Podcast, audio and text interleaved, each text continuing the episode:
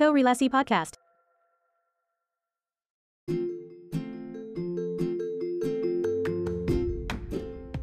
Halo, kita ketemu lagi di Korelasi, satu obrolan podcast yang ngobrolin arsitektur dalam kaitan dengan berbagai aspek dalam kehidupan. Kali ini kita ketemu sama tamu yang uh, belum pernah bertemu fisik sebenarnya, teman yang di dunia maya. Tapi um, ada sesuatu yang pengen kita bahas gitu terkait aspek lokalitas, walaupun sebenarnya mungkin yang pro di uh, bidang ini atau pro di topik ini sebenarnya lebih banyak. Cuman kita pengen ngulik sebenarnya karena uh, kantornya beliau ini salah satu yang mengedepankan aspek itu gitu. Kita pengen tahu pemaknaan lokalitas dari perspektifnya. Mas Uka ini kita ketemu sama Mas Astun Rahadian. Uh, halo, biasa dipanggil Uka dari KML Studio. Halo Mas Uka. Iya halo halo. Apa kabar? Uh, sehat sehat sehat. Sehat ya. Gimana gimana kabarnya? Sehat, sehat juga, sehat juga. Di tahun yang baru semoga semangatnya baru juga ya.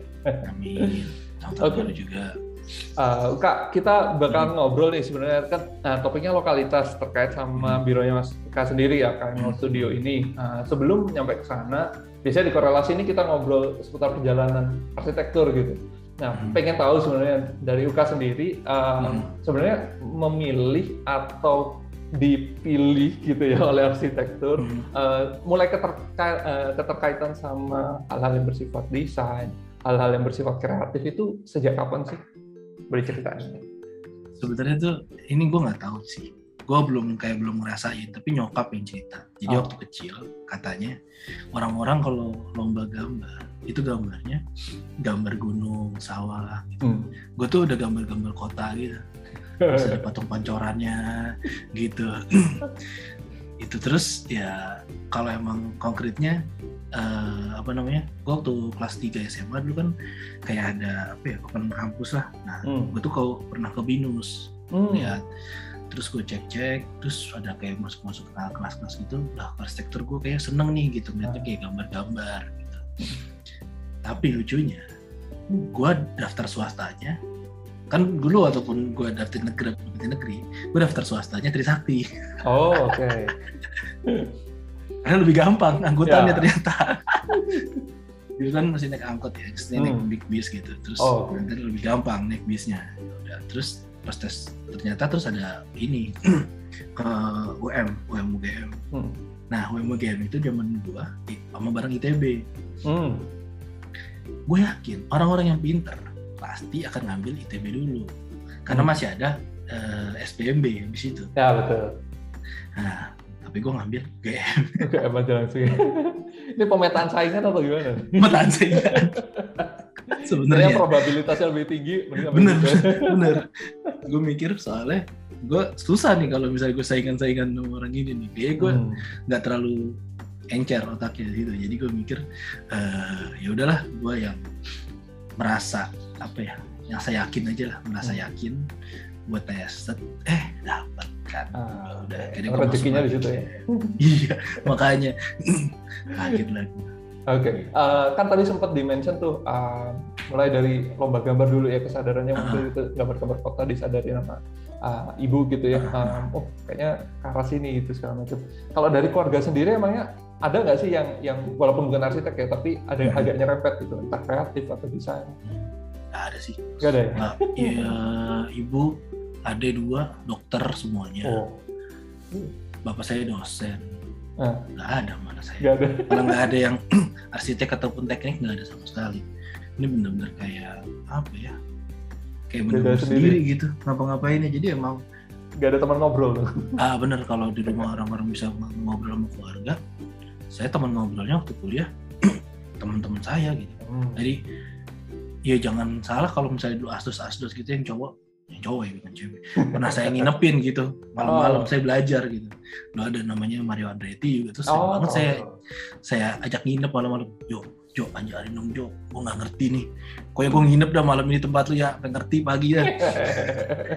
itu terkait materi kuliah gitu ya Uh, dulu tuh ada namanya teknik komunikasi dasar arsitektur. Hmm. Nah itu tuh kayak pertama-tama. Ini lanjut aja lah, maksudnya ini ini aja yang lebar ceritanya terus hmm. kayak teknik dasar arsitektur hmm. jadi itu kayak uh, belajar gimana kita bikin presentasi nah itu tuh awal-awal anak-anak angkatan gue tuh di sekolah di UGM itu pada udah kayak udah udah bisa tuh hmm. gambar-gambar udah pada jago udah persiapan sebelum kuliah gitu ya rasanya. Wah gila nih udah pada jadi arsitek nih.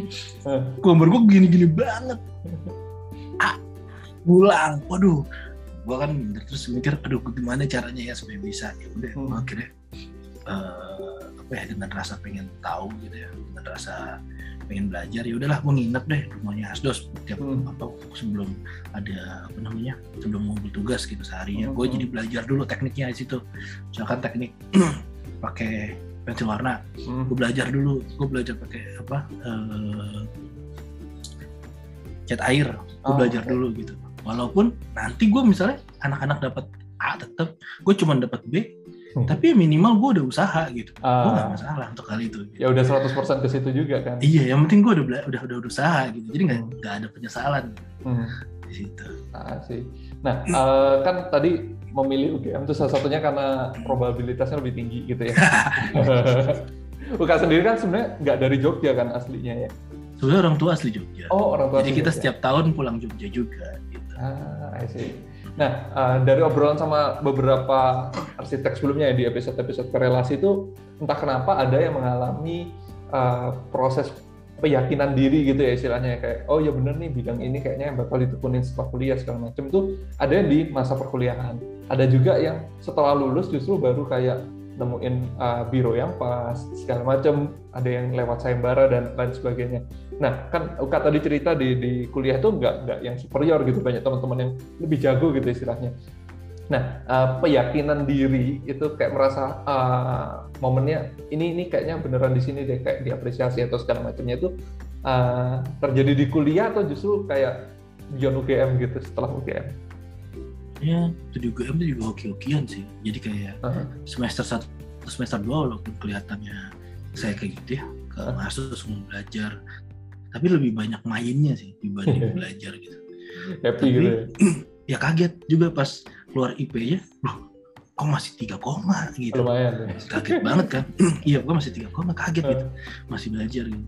Terus tapi ya beruntungnya pas di UGM tuh dapat teman-teman yang suportif juga sih. Hmm. ya kayak misalkan eh, mau ngajarin lah gitu. Saya juga nggak kaget sih maksudnya eh, jarang lah nemu kayak begini di Jakarta gitu. Ah, lebih nggak individualis gitu ya? Ah bener. Di Jogja tuh kayak bener-bener belajar belajar bareng terus ngajarin bener ngajarin gitu Hmm. kaget juga sih wah gila nih baik-baik banget nih orang gitu Hmm. padahal waktu pertama sih emang ada satu geng gitu ya dari satu SMA Hmm. ntar gue sebut SMA-nya kayak enak pokoknya ada bukan satu geng ya gimana ya ngomongnya mereka ngumpul-ngumpul aja dah mereka ngumpul-ngumpul circle gitu ya ah, mereka seringnya setelah sekelompok terus gitu. Hmm. terus tapi gue berusaha masuk situ akhirnya gue berhasil memecahkan menjadi dua kelompok. Tapi dalam artian yang ini maksudnya supaya dia menggandeng juga kayak orang-orang kayak gue gitu. Ya. jadi ada yang apa ke bawah ke bawah ikutan Hmm. orang ke bawah ke bawah gitu terus ya udah. Gue juga sadar ya kenapa gue nggak mau ninggalin sektor? Karena gue waktu kuliah berat banget gitu ngalamin. Kayak ah gila gue mau ninggalin. Gua pas kuliah udah kayak begini. Sayang gue suruh ngulang lagi kuliah arsitektur belum tentu lu mikir udah terlanjur terjun gitu kan udah terlanjur kecebur ya udah sekalian aja berenang gitu Hmm. Makanya waktu di mental itu kebawa terus pas lagi kerja juga gitu pas kerja di Bangkode juga maksudnya kebawa gitu. ya, ya nggak mudah nyerah Oke. Jadi uh, sebenarnya uh, ada ada support lah ya di di ekosistemnya UGM itu yang kemudian uh, mau belajar apa tuh ada ada temennya diskusi itu ada ada sparring partnernya lah istilahnya. Uh, betul betul betul Kalau kalau di UGM sendiri ada ada ini nggak sih ada momen tertentu yang uh, jadi kayak boosternya Mas buka sendiri gitu ya kayak um, ya nih kayaknya gue di jalan ini gitu. Walaupun sebenarnya nanti mungkin ada di Abode juga ada segala macam gitu ya.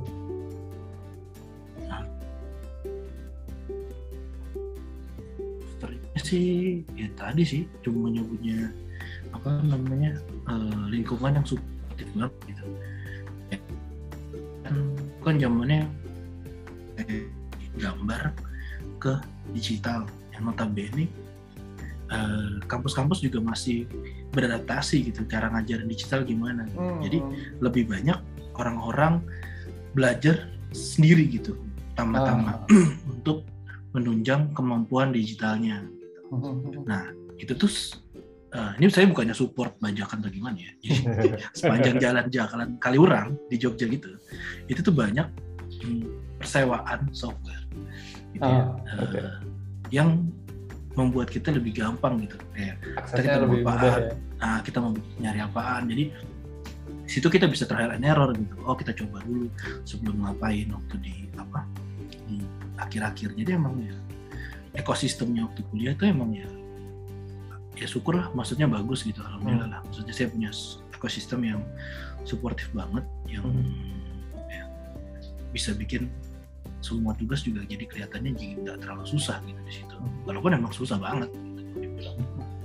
Oke, Eh, kan eh, setelah di UGM nih kalau nggak salah kan em, Uka kan melanjutinnya kerja langsung ya. Jadi setelah lulus itu kan kerja di kalau nggak salah Pak Sarwono Hatmoko ya. Iya di almarhum pasar Ah, ah. Nah itu gimana sih maksudnya eh, mempertimbangkan kan biasanya kalau kuliah di luar kota aslinya itu ya udah selesai kuliah balik lagi gitu.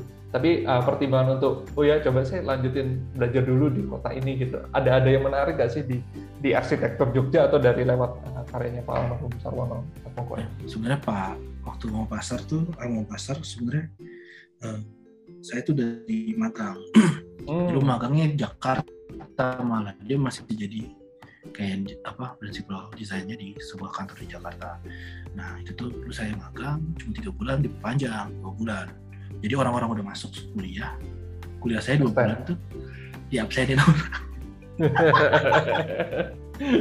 Dibuka dosa Maaf ya. ya. jadi gitulah pokoknya saya telat kuliah cuman ya teman-teman yang baik lah saya dibilang teman-teman saya baik banget gitu di Hmm.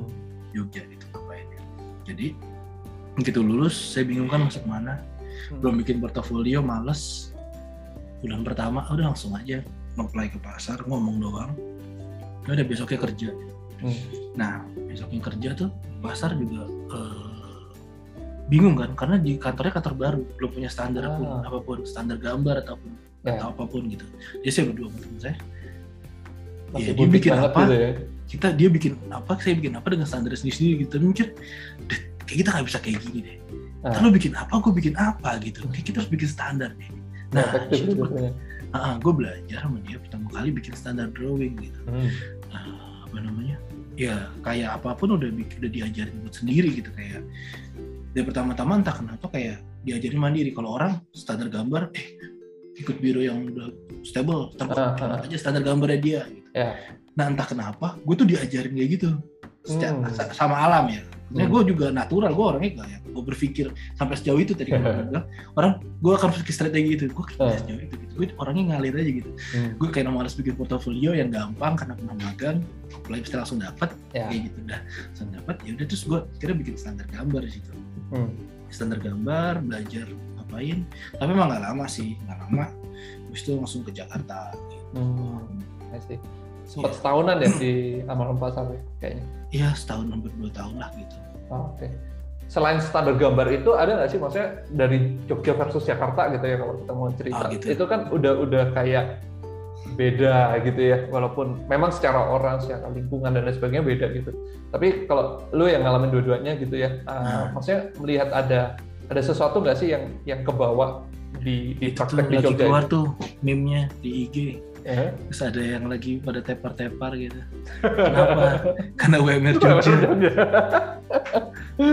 ya itu kan ada iya maksudnya nggak apa-apa ini kan sebenarnya meme itu adalah sebuah keresahan ya, Kenapa ada meme ya. orang-orang? Ya itu karena sebuah keresahan. Dan keresahan itu sebenarnya nggak usah disikapin yang gimana gimana. Kita harus menyikapinnya. jadi refleksi Oh ya udah, ah, kita harus nyikapinnya. Oke, berarti gimana cara ningkatin UMR Jogja di masa depan? Itu sebenarnya harus dipikirkan, bukannya Hmm. wah kenapa lu berprotes gitu? Jangan gitu seharusnya. Ya, ya. Seharusnya di pola pikirnya kebalik gitu. Kadang-kadang kalau apa ya, ada orang yang berpikir supaya apa? Itu jadi malah dia pesimis, tapi kita harus Hmm. optimis. Gimana cara ningkatinnya gitu? Apakah eh, daya jualnya kurang? Enggak juga. Di sana bagus-bagus kok gitu. Tapi akhirnya mereka juga eh, jadi 3D artis yang eh, banyakan ya jadi 3D artis yang bayarannya ke luar gitu. Ah, mendunia ya Ah, ke Singapura, betul. mana ke Dubai, banyak banget mereka, banyak Hmm. banget anak-anak 3D artis dari Jogja yang Hmm. apa namanya eh, kerjaannya tuh di luar negeri semuanya gitu bahkan di Jakarta pun biro-bironya yang hire mereka biro-biro papan atas gitu ah, betul sebenarnya secara kemampuan mereka nggak kalah nggak kalah. Cuman uh, entah kenapa uh, memang di situ yang agak kurang gitu dihargai jadi mikir kemarin sih juga bukan itu sih mereka pengen ada penaikan apa ya uh, kalau emang udah terlalu nyaman pengen ada apa ya naik, naik karir, karir. ya. nah, naik karir gitu. Makanya habis itu langsung dari Jogja ya udahlah mikirnya daripada apa namanya tamunya karirnya terlalu stagnan di sini gitu hmm. pindahlah ke Jakarta gitu cari tantangan baru gitu oke okay. Nah, uh, arah gue sebenarnya ke situ sih. Tadi kan uh, Uka cerita kalau di Jogja bahkan ternyata udah menghasilkan 3D artist, visualisasi, nah, nah. segala macam yang mendunia gitu. Nah, uh, mungkin somehow kalau gue melihatnya perspektifnya, apakah gitu ya praktik di Jogja itu lebih kental artnya, lebih kental seninya gitu misalkan. Kalau Jakarta kan kita tahu maksudnya ya ada yang gitu, tapi rasanya kalau proporsinya bisa berimbang atau bahkan lebih tinggi yang produktivitasnya gitu ya, istilahnya efisiensi, efektivitas, industri banget gitu istilahnya. Nah, apa iya sih seperti itu gitu? Kalau kalau dari sudut pandang dan pengalamannya UKA aja gitu. Sebenarnya nggak juga sih. Kayak waktu zaman gue kuliah tuh sebenarnya anak-anak tuh hebat banget teman-teman gue. Teman-teman gue tuh kuliah sambil kerja banyak kan. Hmm. Karena gue suka main. Jadi milih ya udah milih main dan kuliah gitu. Jadi ada satu biro gitu ya yang spesialis di rumah sakit ya. Ya tahu di, ya. di, ah, benar di Jogja. Kalau dibilang seni banget enggak. Karena ya, dia lebih ke praktikal sebenarnya. Rumah sakit mau seni apa ya gitu. Ah bisa bisa seni. Maksudku uh, dalam artian uh, lebih banyak yang harus sesuai standar. Hmm. karena yang dipakai adalah untuk kesehatan di mana notabene dokter udah punya standar spasial tertentu Betul. untuk apa namanya flow dan mereka tahu tempatnya macam-macam. Nah, ya itu mereka udah punya standarnya gitu. Kalau dibilang seni banget juga ternyata enggak juga gitu. Ya juga ya. Makanya kalau mungkin kalau lihat seni banget mungkin kita perspektifnya ke Pak Eko gitu kan. Ya. Pak Eko tuh angkatan pasar sebenarnya. Jadi hmm. kalau uh, pasar juga sebenarnya nggak terlalu seni juga. Pasar juga lebih ke lebih ke praktikal juga ya. Karena Logik juga ya. Ah, ah, karena dari awal gue juga belajar KDB, KLB hmm. gitu, uh, ngitung-ngitung gross, ngitung-ngitung hmm. net, gitu, untuk ngitung investment semuanya dari dia gitu. Hmm. Sebelumnya makanya di waktu di Abode udah terbiasa kayak gitu juga, sebenarnya udah biasa waktu sama pasar gitu. Hmm. Dia juga udah dari pertama kali kita mau bikin tower atau bikin resort, pertama kali dapat site ya kita harus ngitung-ngitung dulu gitu, dapatnya. Itu sebenarnya apa namanya uh, nggak melulu art ya sebenarnya. nggak melulu art gitu. Walaupun emang gambar tangannya pasar juga jago banget ya. nah uh, kalau nggak salah kan perjalanannya Uka dari pasar terus Abode terus KM0 ya. Uh, ada ada tiga stepping stone gitu istilahnya. Uh, kan tadi ya udah deh kayaknya cari challenge yang lebih deh daripada di Jogja ya dengan segala faktornya gitu. Hmm. nah uh, banyak teman-teman kan karena gue dosen ya maksudnya banyak dapat curhat juga dari alumni segala macam yang uh, Pak kalau milih biro tuh yang apa sih karena ada ungkapan juga uh, biro pertama itu yang bakal kayak membentuk karakter kamu gitu sama ya ada yang iya ada yang enggak juga sih sebenarnya yeah. tapi uh, saat memilih kantor yang berikutnya Abodai ini hmm. itu based on opportunity atau emang ada sesuatu yang spesifik yang pengen dipelajari di sana kalau teman-teman bagus sih teman-teman saya semua di Apode mikirnya kayak gitu. Ada yang dipelajari hmm. ini ini ini. Nah kayak tadi. Hmm. biasa kosong saya karena kosong. Uh, jadi ya yang nerima aja gitu. Opportunity aja ya. Uh, jadi yang saya cuma ngeplay sekali. Jakarta ngeplay Abode doang. Uh. nekat ya gila dia bilang. Ngeplay Abode ya udah panggil wawancara dapat saya juga nggak tahu sebenarnya Abudi itu segede apa cuma pernah konser di Jogja hmm. jadi saya mikir oh itu bagus kali videonya hmm. itu okay. ternyata ya di sana juga belajar banyak hal juga gitu nantinya hmm. ya memang sebenarnya paling bagus tadi kalau ini cara benernya adalah harus ditelaah gitu sebenarnya kita mau riset kita mau kerjaan rumah atau kerjaan apaan ya itu sebenarnya kayak gue sih kayak gitu cuman eh. saya orangnya emang ngalir aja udah gitu. Pusing kan itu ya udah ngalir aja yang ada gitu. Pertama nyoba dulu satu terima nggak? Kalau nggak terima baru pikirin gitu. Eh. karena kalau udah terlalu banyak mikir apa pun jadinya ribet gitu. Eh. sebenarnya waktu di Abu Dhabi juga eh, saya juga diajakin tuh setelah saya kenal kan sama beberapa prinsipal Ah, sebut aja yang di Bandung gitu ya. Dewan satu kan itu kenal nah itu terkenal dulu dulu dia belum jadi ini belum jadi gubernur. Ah, nah belum jadi gubernur jadi wali kota belum jadi wali kota. Terus ngajakin. Cuman saya udah terima dia bode kan jadi nggak Hmm. nggak enak gitu. Ya. ya udahlah. Jadi eh, ya udah saya berkat dia bode gitu dari awal Oke. dari Jakartanya.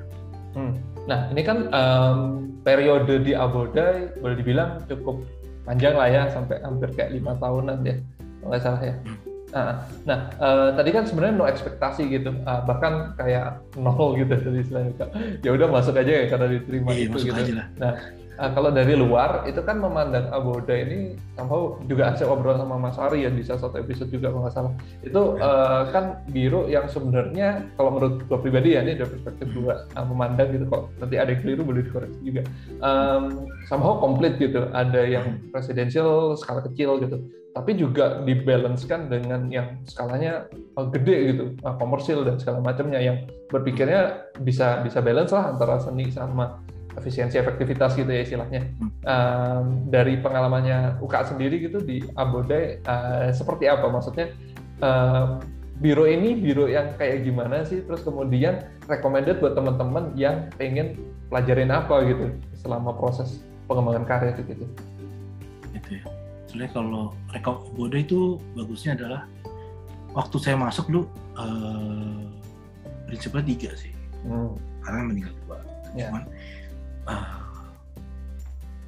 kenapa saya kayak fast track belajarnya lagi ke dia Boda ya? waktu saya masuk Abuda bedol desa Hmm. jadi tanpa senior Oke. Jadi benar-benar baru semua gitu ya. tadi di biro kecil saya bikin standar gambar begitu ke Abodai saya lah kayak kasar langsung jadi senior nih mau nggak mau gitu. langsung dituntut gitu Jadi sebenarnya kenapa kalau dibilang kenapa sih Abu Dhabi banyak lembur? Kamu lembur. Cuma karena kita merasa goblok. Jadinya saya harus bikin upaya ntar pas lagi presentasi ke prinsipal itu nggak terlalu banyak salahnya atau saya Ah. minimal bisa bertahan gitu sama desain kita gitu sebenarnya kalau nggak mau lembur silakan nggak apa-apa gitu. lembur tuh bukan bukan suatu kewajiban gitu. cuman ya karena nggak bisa karena belum bisa aja gitu karena kalau orang kadang-kadang seset langsung jadi wah bagus wah tetetet iya jelek tetetet wah baru lumayan gitu. maksudnya eh, kadang-kadang ada orang yang fasenya kayak waktu studio di kampus misalkan tiga hari dia jadi bagus dapet A Hmm. mungkin waktu gue di kampus kerjanya seminggu dapetnya cuma B plus atau amin Hmm.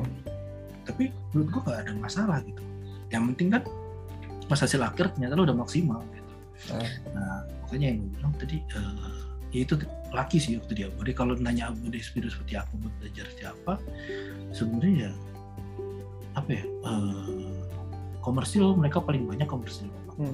kayak gue gitu masuk dapetnya komersil terus gue dapet kok rumah tuh gak tahun house dawang gue yang rumah pribadi malah gak dapet ya budai teman-teman Hmm. budai teman-teman banyak yang dapet rumah pribadi juga dia budai emang agak susah tricky di budai karena nggak semua proyek diambil gitu. Eh, mulai banyak proyek-proyek komersil.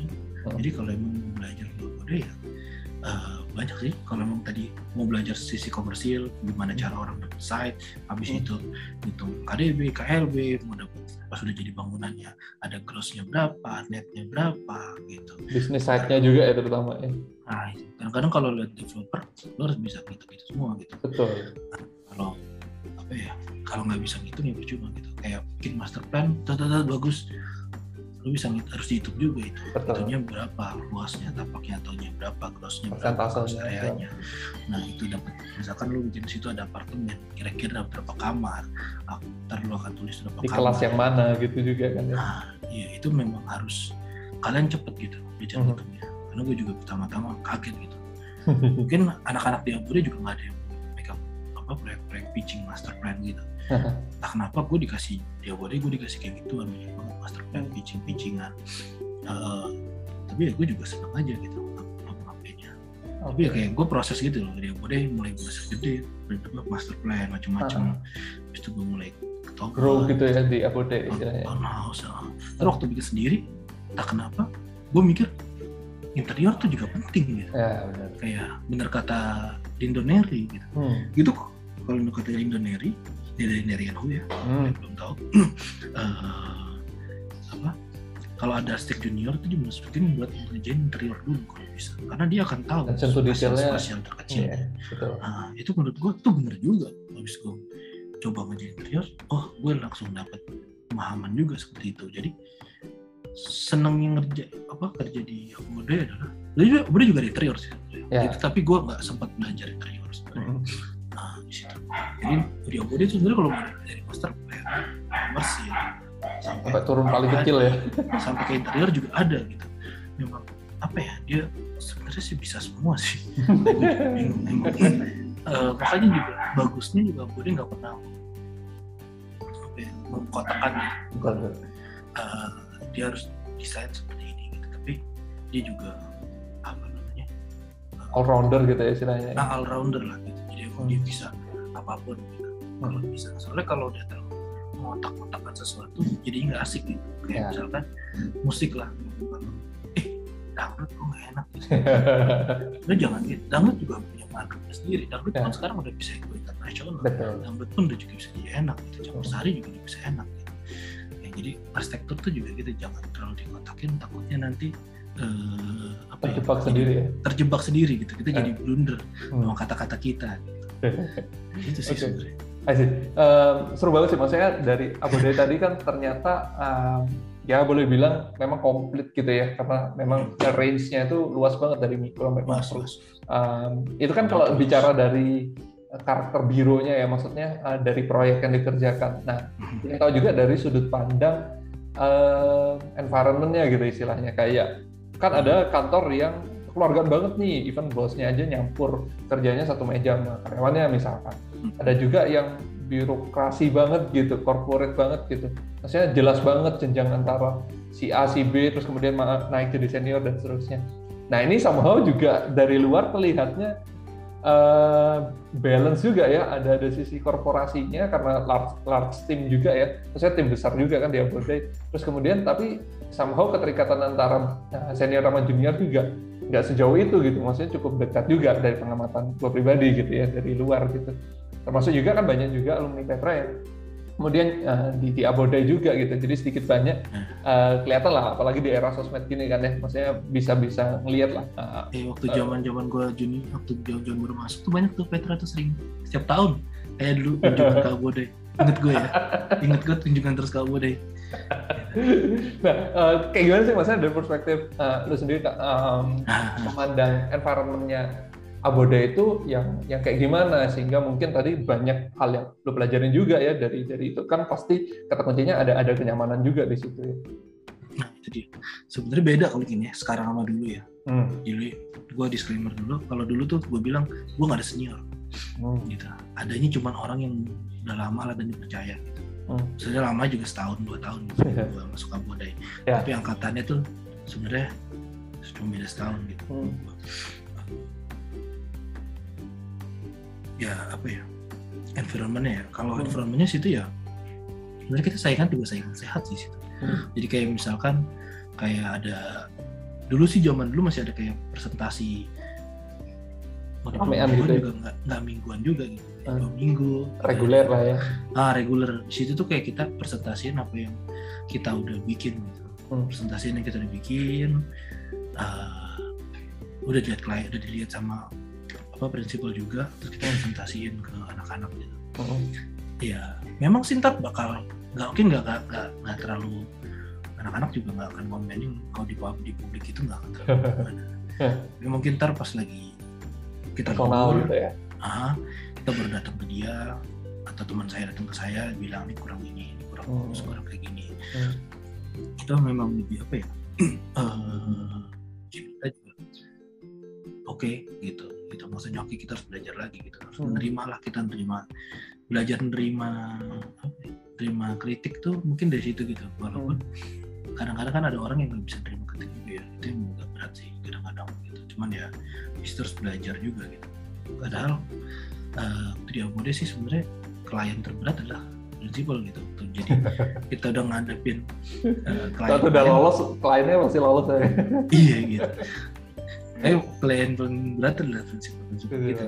Ari atau Pak Bejo gitu itu paling Hmm. berat sebenarnya di kita karena emang ya kita harus lolosin mereka dulu gitu sebelum lolos kalau emang udah lolos pas ke sana yang lebih gampang gitu kadang-kadang klien juga ada yang ikut-ikut aja tapi kalau klien punya jenderalnya terlalu banyak juga berat juga gitu Ya. kecil jenderal banyak gitu jadi kita juga eh, waktu nembusin klien juga susah gitu. tapi kalau Hmm. di Upload sendiri ya harus ini sih persaingannya persaingan ya Sehat ya. ngapa ngapainnya gitu tetap ya ya itulah Oke. Ya, kemudian di Abode sendiri kan tadi uh, Uka sendiri ngalamin ada ada beberapa fase ya, yang dari tiga prinsipal terus kemudian uh, jadi sekarang dua prinsipal segala macam gitu.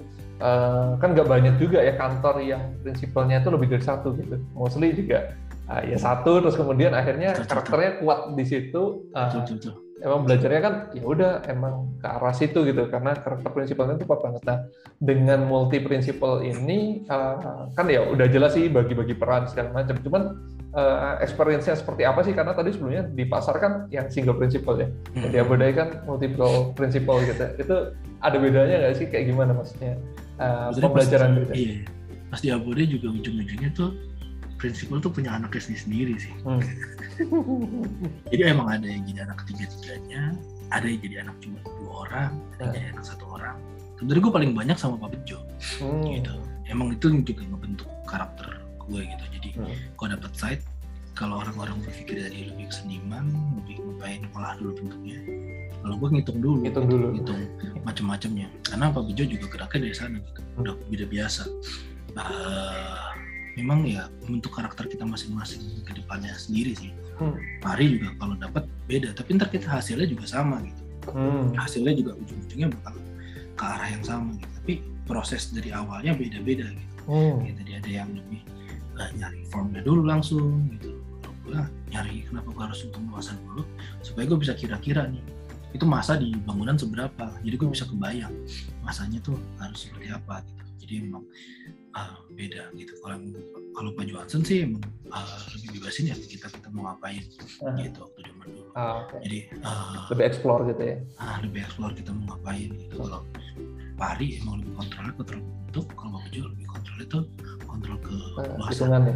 Nah, ya kalau emang luasan itu bisa, kita udah bisa ngapainnya dari situ gitu gerak-geraknya gitu.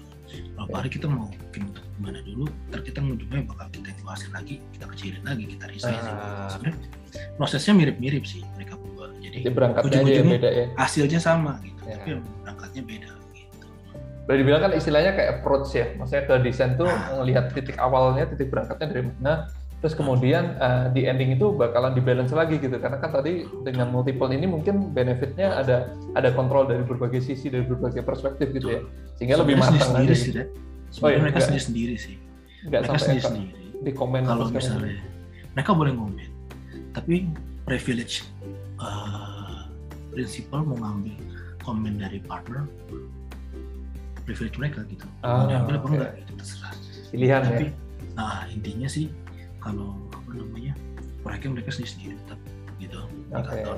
mandiri ya. Ntar mereka uh, punya ya apa mereka kita kan kita kan partner akan lihat kan siapa siapanya gitu mereka Hmm. Uh, oh ini kurang ini kurang ini tapi partner ini mau ngambil terserah partner ini mau ngambil nggak apa idenya dari ini terserah Ah, oke. ada yang paksain Jadi sebenarnya ada ada timbal balik tapi yang nggak dipaksakan gitu ya. Bukan berarti dalam satu tim itu produknya harus melalui tiga filter atau dua filter gitu ya. Nggak juga gitu ya.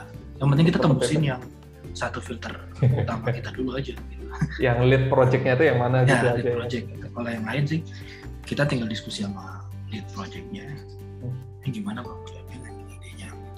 I kita bisa diskusi ke mereka Oke. Nah, uh, sampai suatu titik kan Uka uh, apa ya istilah orang Jawa ini kayak mentas gitu ya. Udah udah selesai di Aboda gitu. Uh, ada ada momen apa sih maksudnya apakah dengan ada ada yang beranggapan kalau yang lu pelajarin cukup ya udah uh, boleh boleh mentas gitu istilahnya bikin sendiri macam. Ada yang kayaknya uh, calon klien gua prospeknya udah cukup banyak deh ya udah mentas gitu istilahnya kayak ya udah uh, buka sendiri atau kayak uh, ya udah sekian tahun gitu apa maksudnya Iya. parameternya durasi waktu aja udah sekian tahun kayaknya udah waktunya deh. Uh, pertimbangan buka sendiri. Uh, lulus dari Aboda ini yang mana? Sampai kemudian membentuk KM0 pertimbangannya sih apa ya?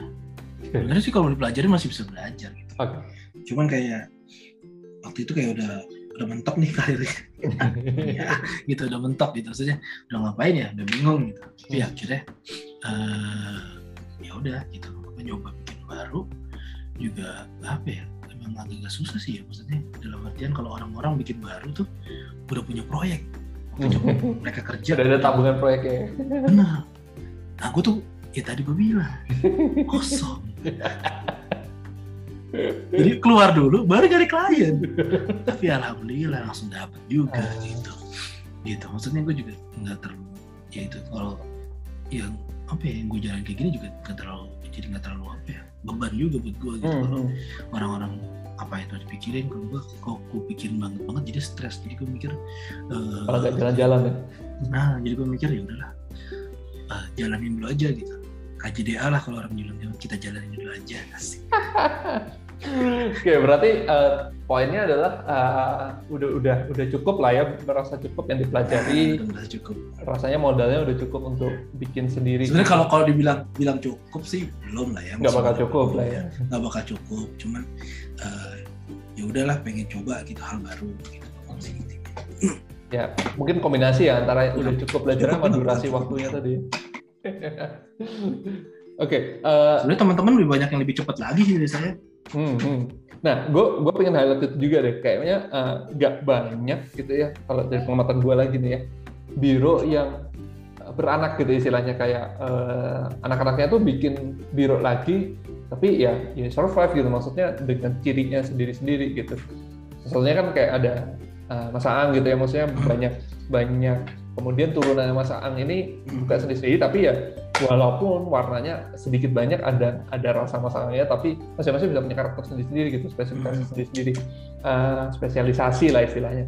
Nah si Aboda ini kan termasuk yang juga gitu ya maksudnya eh, ada Aya terus kemudian ada ISO segala macam gitu.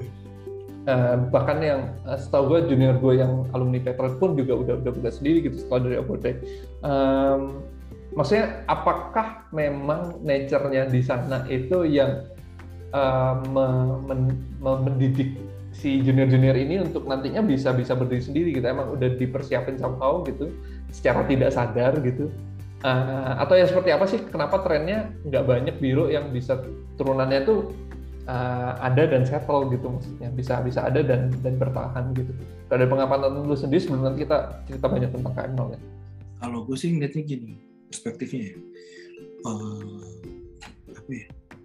Eh, lingkungan yang baik surrounding yang baik gitu akan menghasilkan orang-orang yang baik juga gitu. Hmm. jadi kayak misalkan eh, kenapa kita pada bikin biro di Abu Dhabi anak-anak pada bikin konsultan sendiri karena ngelihat oh bikin konsultan seru ya kita nggak apa-apa di kantornya Uh, gitu bukan karena oh ini disiapin buat bikin hero enggak. Tapi Enggak, kita ya. melihat supaya oh gimana ya supaya apa kita supaya menyenangkan eh, membuat arsitektur lebih menyenangkan gitu.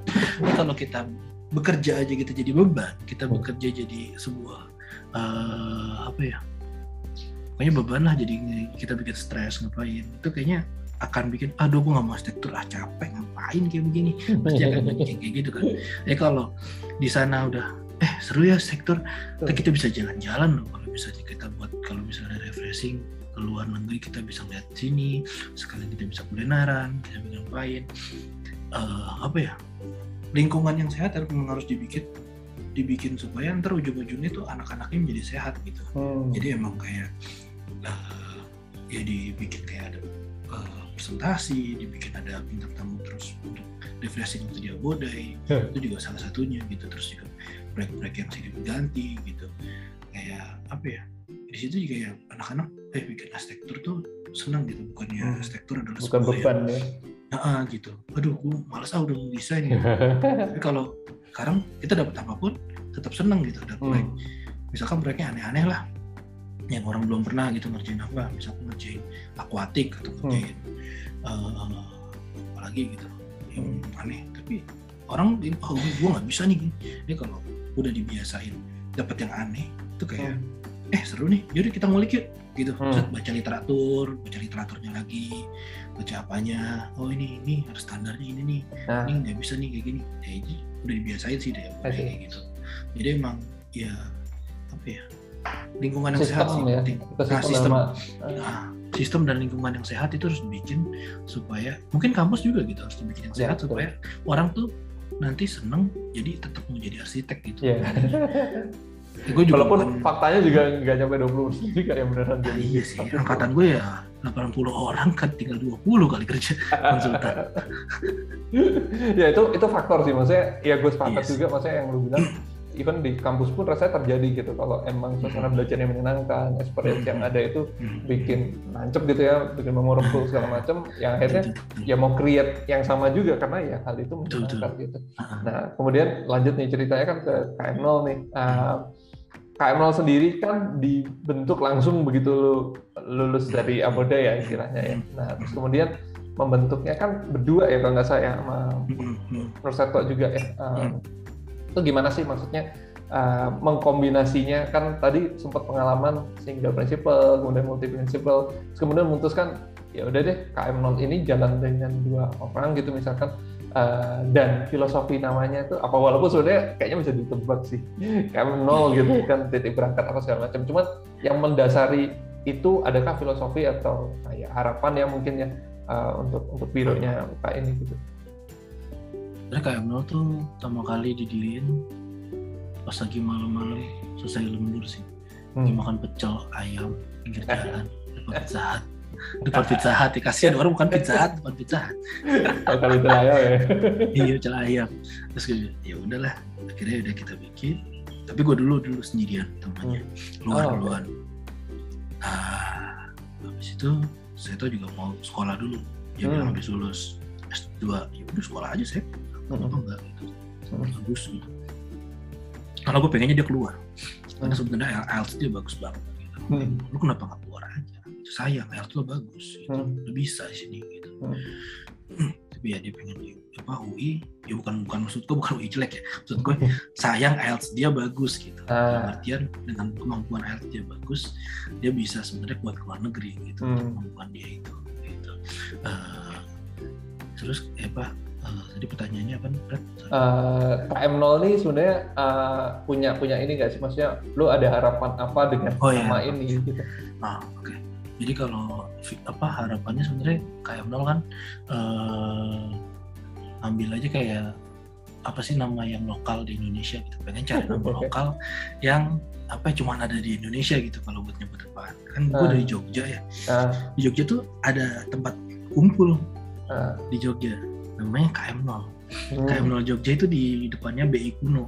oh, Nah, jadi tuh kalau orang tahu KM0 langsung tahu situ BI Kuno.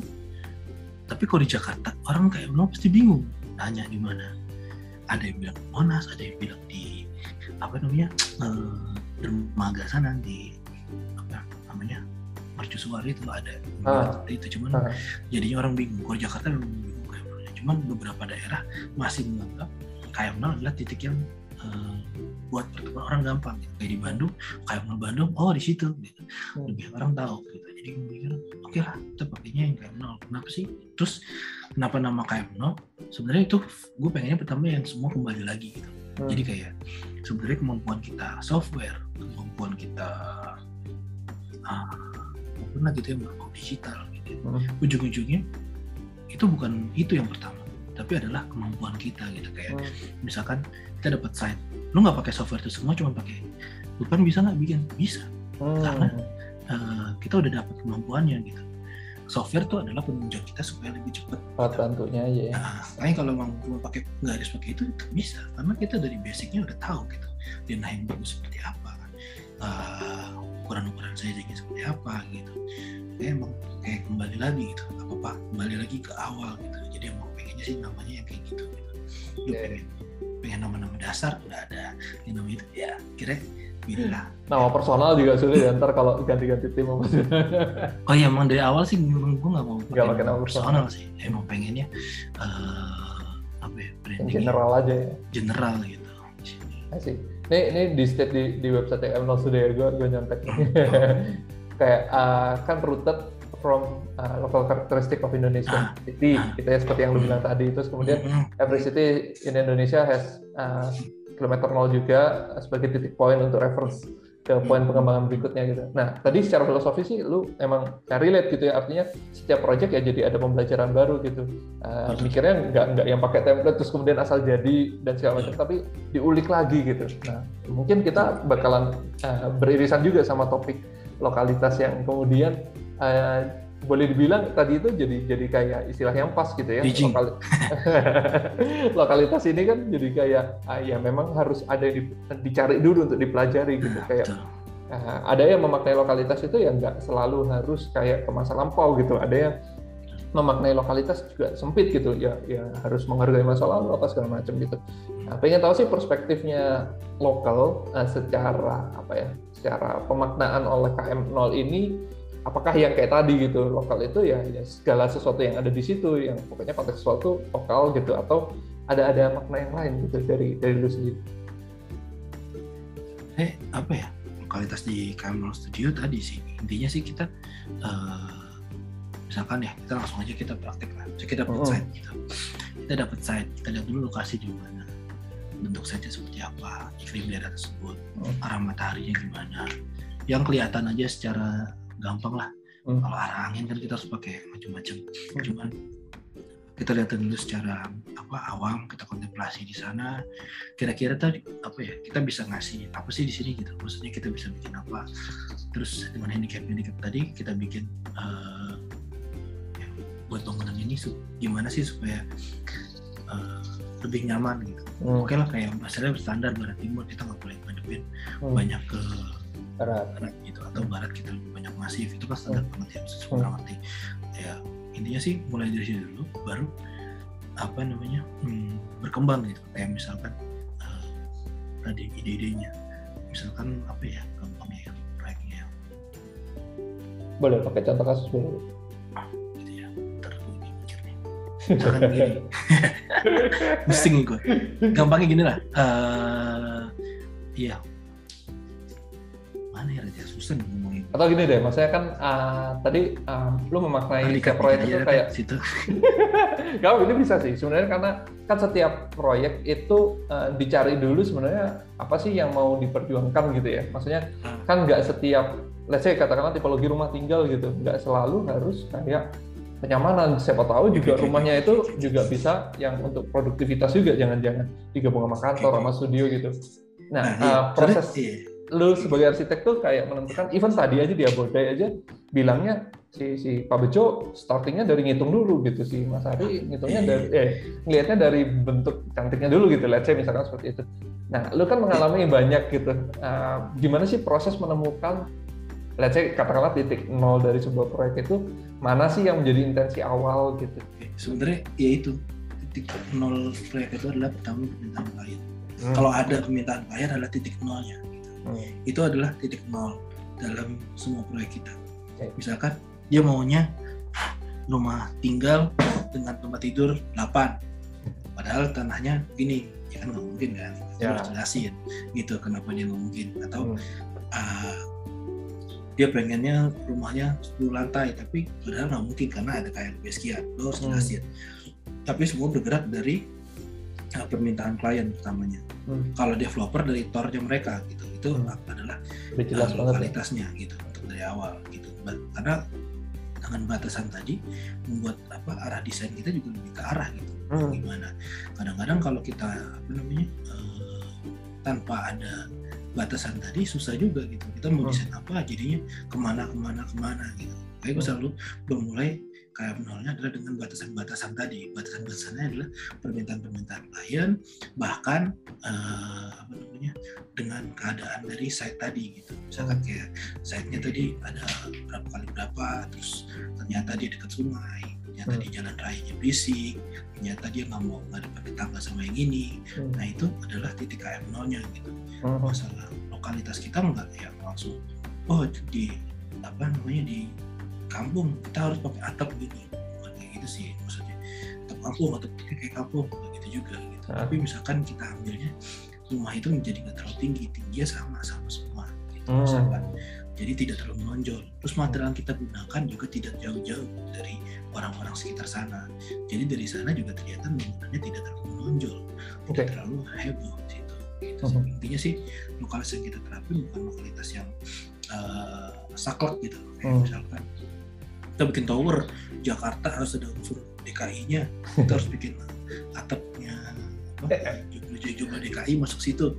Ya kayaknya nggak harus kayak gitu juga ya. Tapi mungkin Ya. kita memaknai aja filosofi dari lokalitas kita akan bikin tower ya.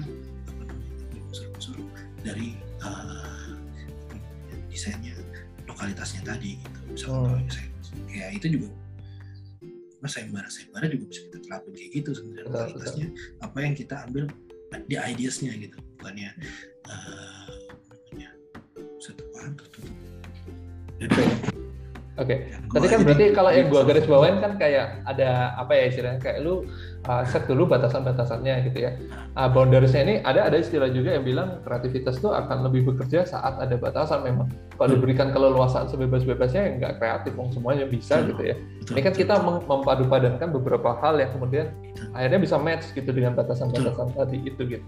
Uh, proses di KM0 sendiri dalam mendesain dengan batasan-batasan itu tadi, kemudian mengelola lokalitas supaya bisa on point gitu ya masuk uh, dan fit in di dalam desainnya segala macam.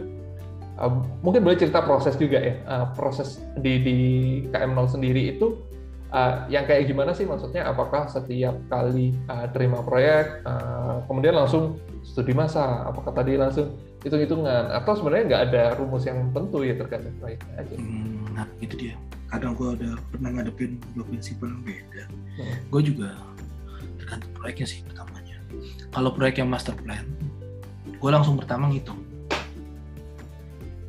Di awal. Tapi kalau rumah tinggal yang gue lakukan pertama adalah dengerin klien maunya apa aja habis itu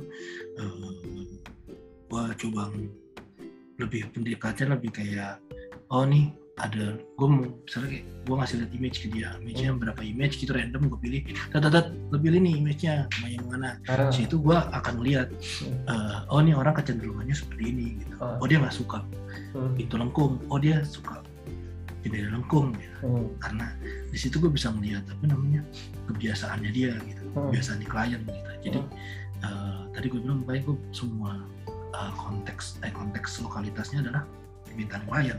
Di situ gue Hmm. juga berusaha gali gimana klien maunya seperti apa karena kan dia yang pakai gitu. Ya, betul. Jadi kalau misalnya beda lagi kalau tadi master plan. Kalau master plan kenapa harus hitungan yang pertama? Karena developer mau nggak mau hitungannya harus benar dulu. Itu pisaunya yang dipakai buat membentuk desain kita kan? betul.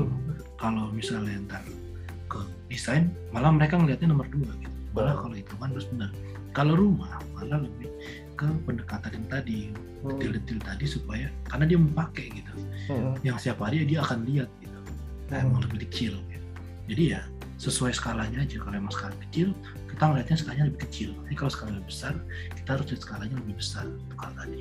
Itu yang mungkin apa namanya ke lokalnya cara ngedesainnya kayak menurut sih. Jadi emang nggak ada yang saklek apa harus semuanya harus kayak DBKLB gini-gini enggak juga. Kalau rumah terlalu saklek kayak gitu juga susah juga gitu ya. Betul.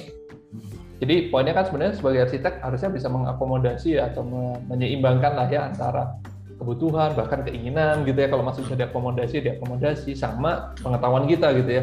Oh tadi ada barat ada timur. Kemudian hitung-hitungan tadi kalau terkait uh, developer dengan komersialitasnya dan segala macamnya nah uh, kalau kalau bicara seperti itu ini mungkin uh, diskusi kalau bicara seperti itu kan uh, let's say semua juga melakukan itu gitu ya akhirnya gitu karena Hmm. melakukan studi supaya fit in sama gitu. permintaan gitu sama brief dan macam. membedakan ya Nah betul, arahnya ke situ sih. Apa yang kemudian, uh, let's say misalnya klien nih, terus kemudian uh, aku ke- sama kerjasamanya sama KM0 aja deh karena ada ada value ini gitu yang yang beda dari yang lain. Oke.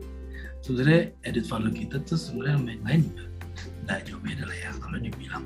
Karena kan eh, kalau yang eh, seangkatan dan apa ya punya kemampuan desain yang bagus juga kita nggak jauh beda sama yang lain. Tapi sebenarnya sebenarnya kita juga nggak bilang membedakan kita dengan yang lain sih.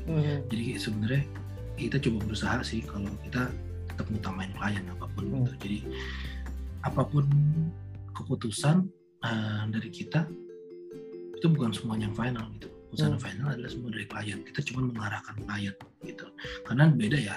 Kalau di Singapura klien nurutin arsitek. Tapi kalau di sini tetap aja klien masih nomor satu gitu Hmm. untuk ngapa-ngapain. Jadi kita kalau bisa sih tetap harus dengerin klien gimana pun Hmm. jadi emang uh, kayak kita ya kalau bisa sih tetap muasin dia lah gitu untuk supaya karena dia yang udah hire kita dia yang udah uh, Ya, kasih kepercayaan juga ya ke kita ya. ke kita jadi emang yang mau nggak mau ya utamain itu sih sebenarnya kalau kayak menol ya lebih ke Hmm.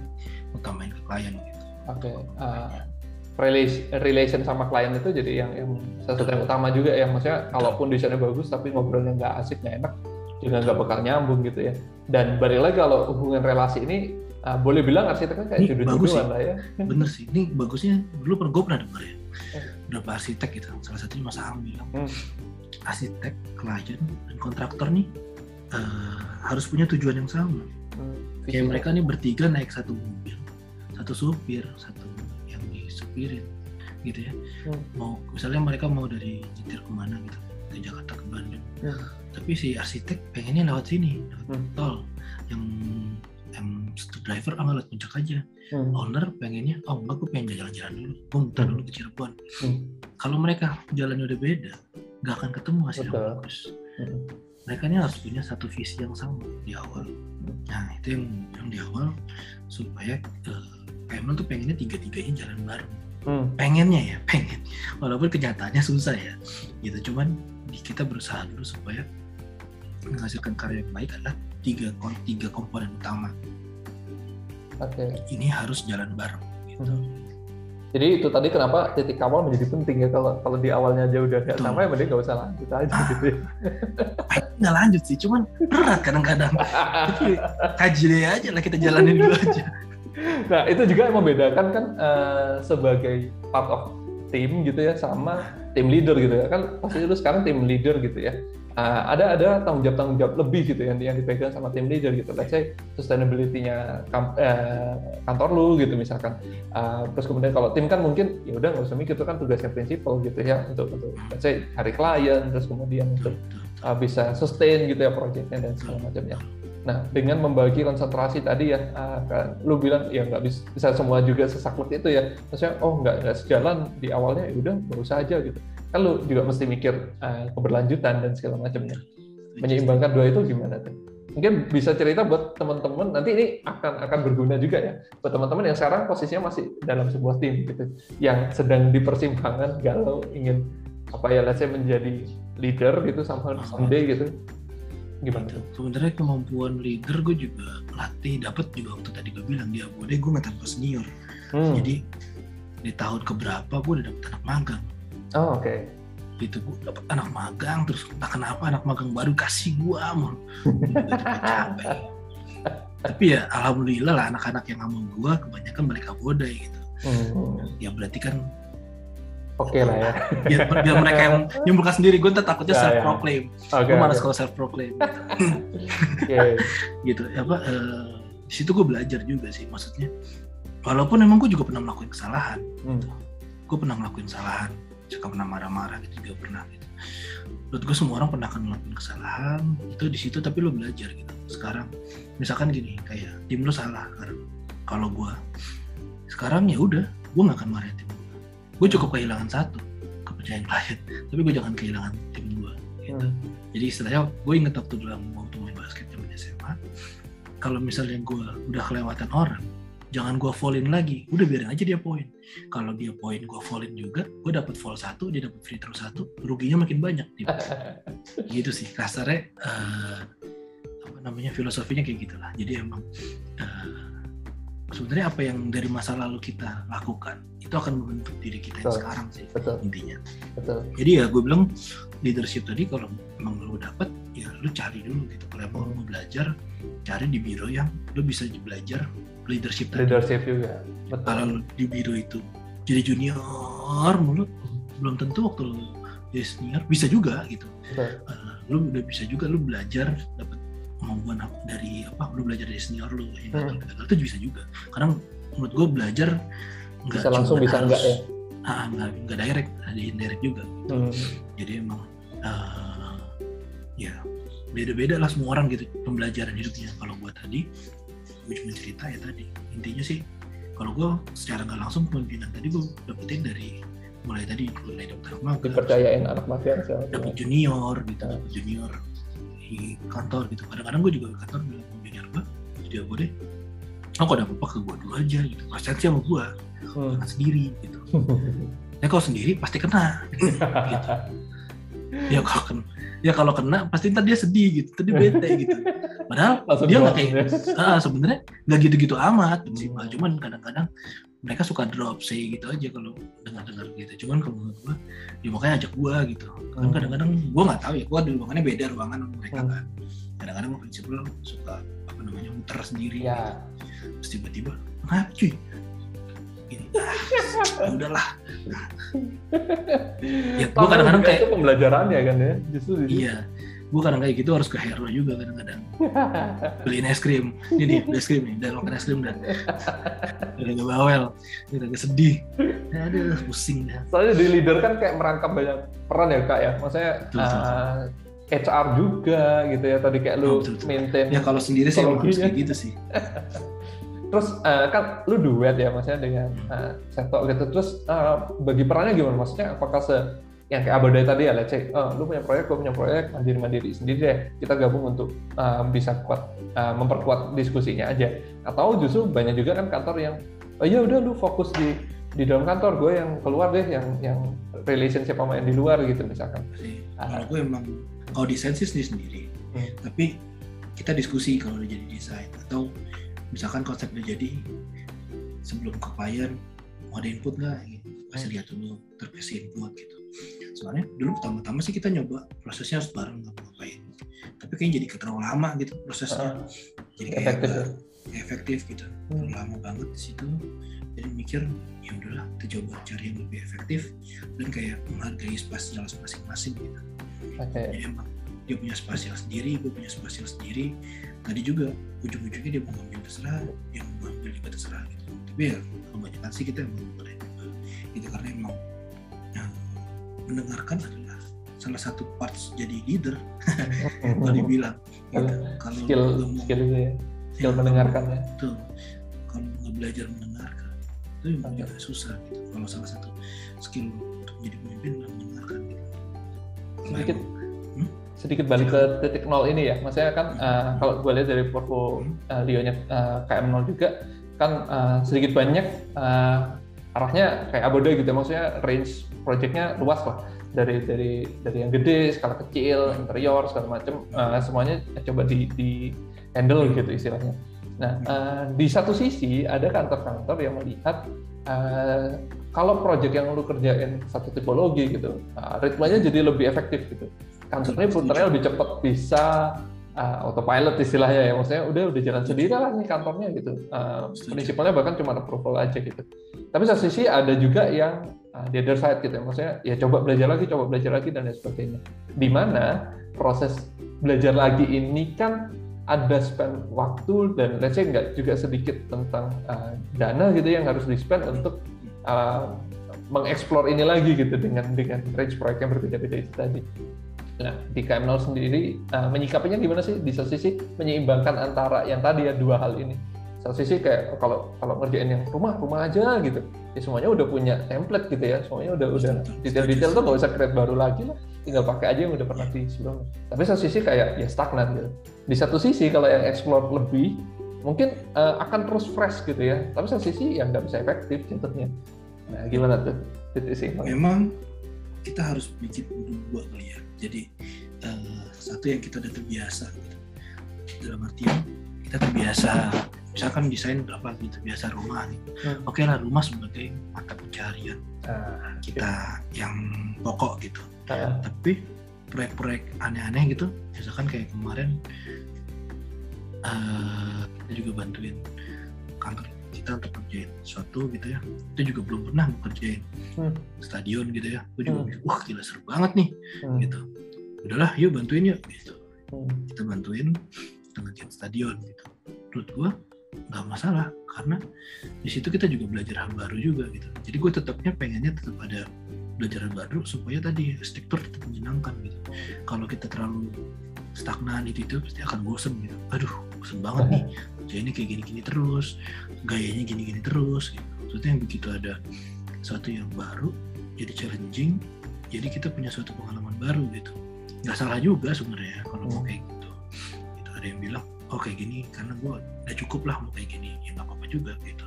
Nggak salah gitu tapi kalau buat gue masa itu buat hal dapat hal baru tuh kayak ya seru aja gitu dapat sesuatu yang uh, challenging lagi gitu ya. challenging gitu ya hmm. kita dapat studio dulu SPA 4 beda, SPA 5 beda, SPA ya. 6 beda, SPA 7 beda gitu. Sampai kita tebus akhir gitu. Hmm. Ya sebenarnya konsepnya seperti itu sih. Sama. Kenapa arsitektur harus apa ya terus berkembang gitu. Kenapa harus bilang macam-macam. Sebenarnya ya Bode juga bergeraknya dulu waktu dia Bode juga sama aja gitu. Kerjanya komersil. Yang utama apa? Apartemen ya. Hmm. Apartemen kantor gitu. Tapi rumah tinggal adalah sebuah kayak tadi sebuah refreshment gitu Okay. Gue malah kebalikan refreshmentnya kayak gitu. Kalau gue kebalikan, kadang-kadang kalau emang ada proyek kayak tadi master plan buat gue refreshment gitu. Hmm. Karena ya gue selalu seneng ngerjain master plan gitu, ngapain ngitung bareng ngapain karena ya apa ya nggak semua orang punya kemampuan itu sebenarnya Indonesia betul, gitu. Makanya gue juga jadi mikir, wah gue juga belum tentu gue bisa gitu. Jangan hmm. gue langsung terjun ke job, gue juga mungkin nggak bisa gitu. Hmm. Jadi emang boleh bilang ada ada istilah proyek proyek dapur ya, proyek putaran lah istilahnya yang biar biasanya ini tetap muter, tapi satu sisi tetap cari lauknya yang beda-beda dong, biar nggak bosan makan nasi terus gitu kan. Setuju sih, kalau perumpamaannya sama seperti makan nasi, gue setuju. Nasi kan pokoknya, hmm. kalau lauk kan kita bisa beda-beda. Gitu. Hmm. Itu gue setuju banget sih. biar apa ya, biar kita ngeliat dapat pengalaman baru terus gitu. Ya, betul. Nah, menggali menggali rootnya tadi kan istilahnya kayak uh, mendefinisi problem inti dari sebuah uh, permasalahan sehingga bisa diselesaikan dengan satu desain yang tepat gitu.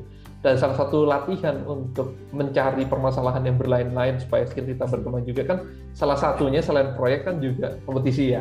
Ini salah satu yang gue ingat uh, ah, gue maksudnya gue jadi notice lu juga. Satu kan karena foto nanti kita ngobrol juga tuh. Maksudnya foto-foto di Instagram segala macam kan juga yang yang oke okay gitu. Maksudnya gue seneng liatnya gitu. Satu sisi juga beberapa kali kesempatan kompetisi kalau gue nggak salah inget nama lu tuh muncul juga gitu. Kayak uh, yang yang terakhir yang gue inget tuh yang salah satu kompetisi dari papan gypsum tuh ya yang yeah. yang lu masuk juga gitu. Dan uh, jadi jadi komunikasi dari situ gitu istilahnya. Uh, ada ada publikasinya kalau nggak saya buku segala macam. Nah di KM0 sendiri memaknai kompetisi itu kayak gimana? Uh, terus kemudian kalau dikaitin yeah. sama lokalitas tadi apakah ini kalau tadi pemaknaan lokalitas sebagai mencari atau memetakan masalah utama gitu ya masalah mendasar nah di di kompetisi ini adakah cara yang berbeda ataukah kompetisi ini dipandang sebagai ya karena jarang banget kan kompetisi rumah gitu kompetisi pasti yang aneh-aneh gitu. Apakah ini juga tadi lauk-lauknya yang tambahan gitu kalau gue setuju sih itu kan tadi intinya sih kompetisi adalah sebagian buat kita refreshing sih arsitektur. Hmm. Saya kan kadang-kadang kalau kita terus-terus ikutin rumah, ikutin klien terus, hmm. kan kita suka capek. Kita punya harus punya unsur liar juga gitu. Kadang-kadang gue juga mengincar menang juga sebenarnya kompetisi gitu. Cuma ngincer. Yang penting kita bisa ngeluarin apa yang kita pengenin aja gitu. Hmm. Supaya apa ya? Penyaluran ya.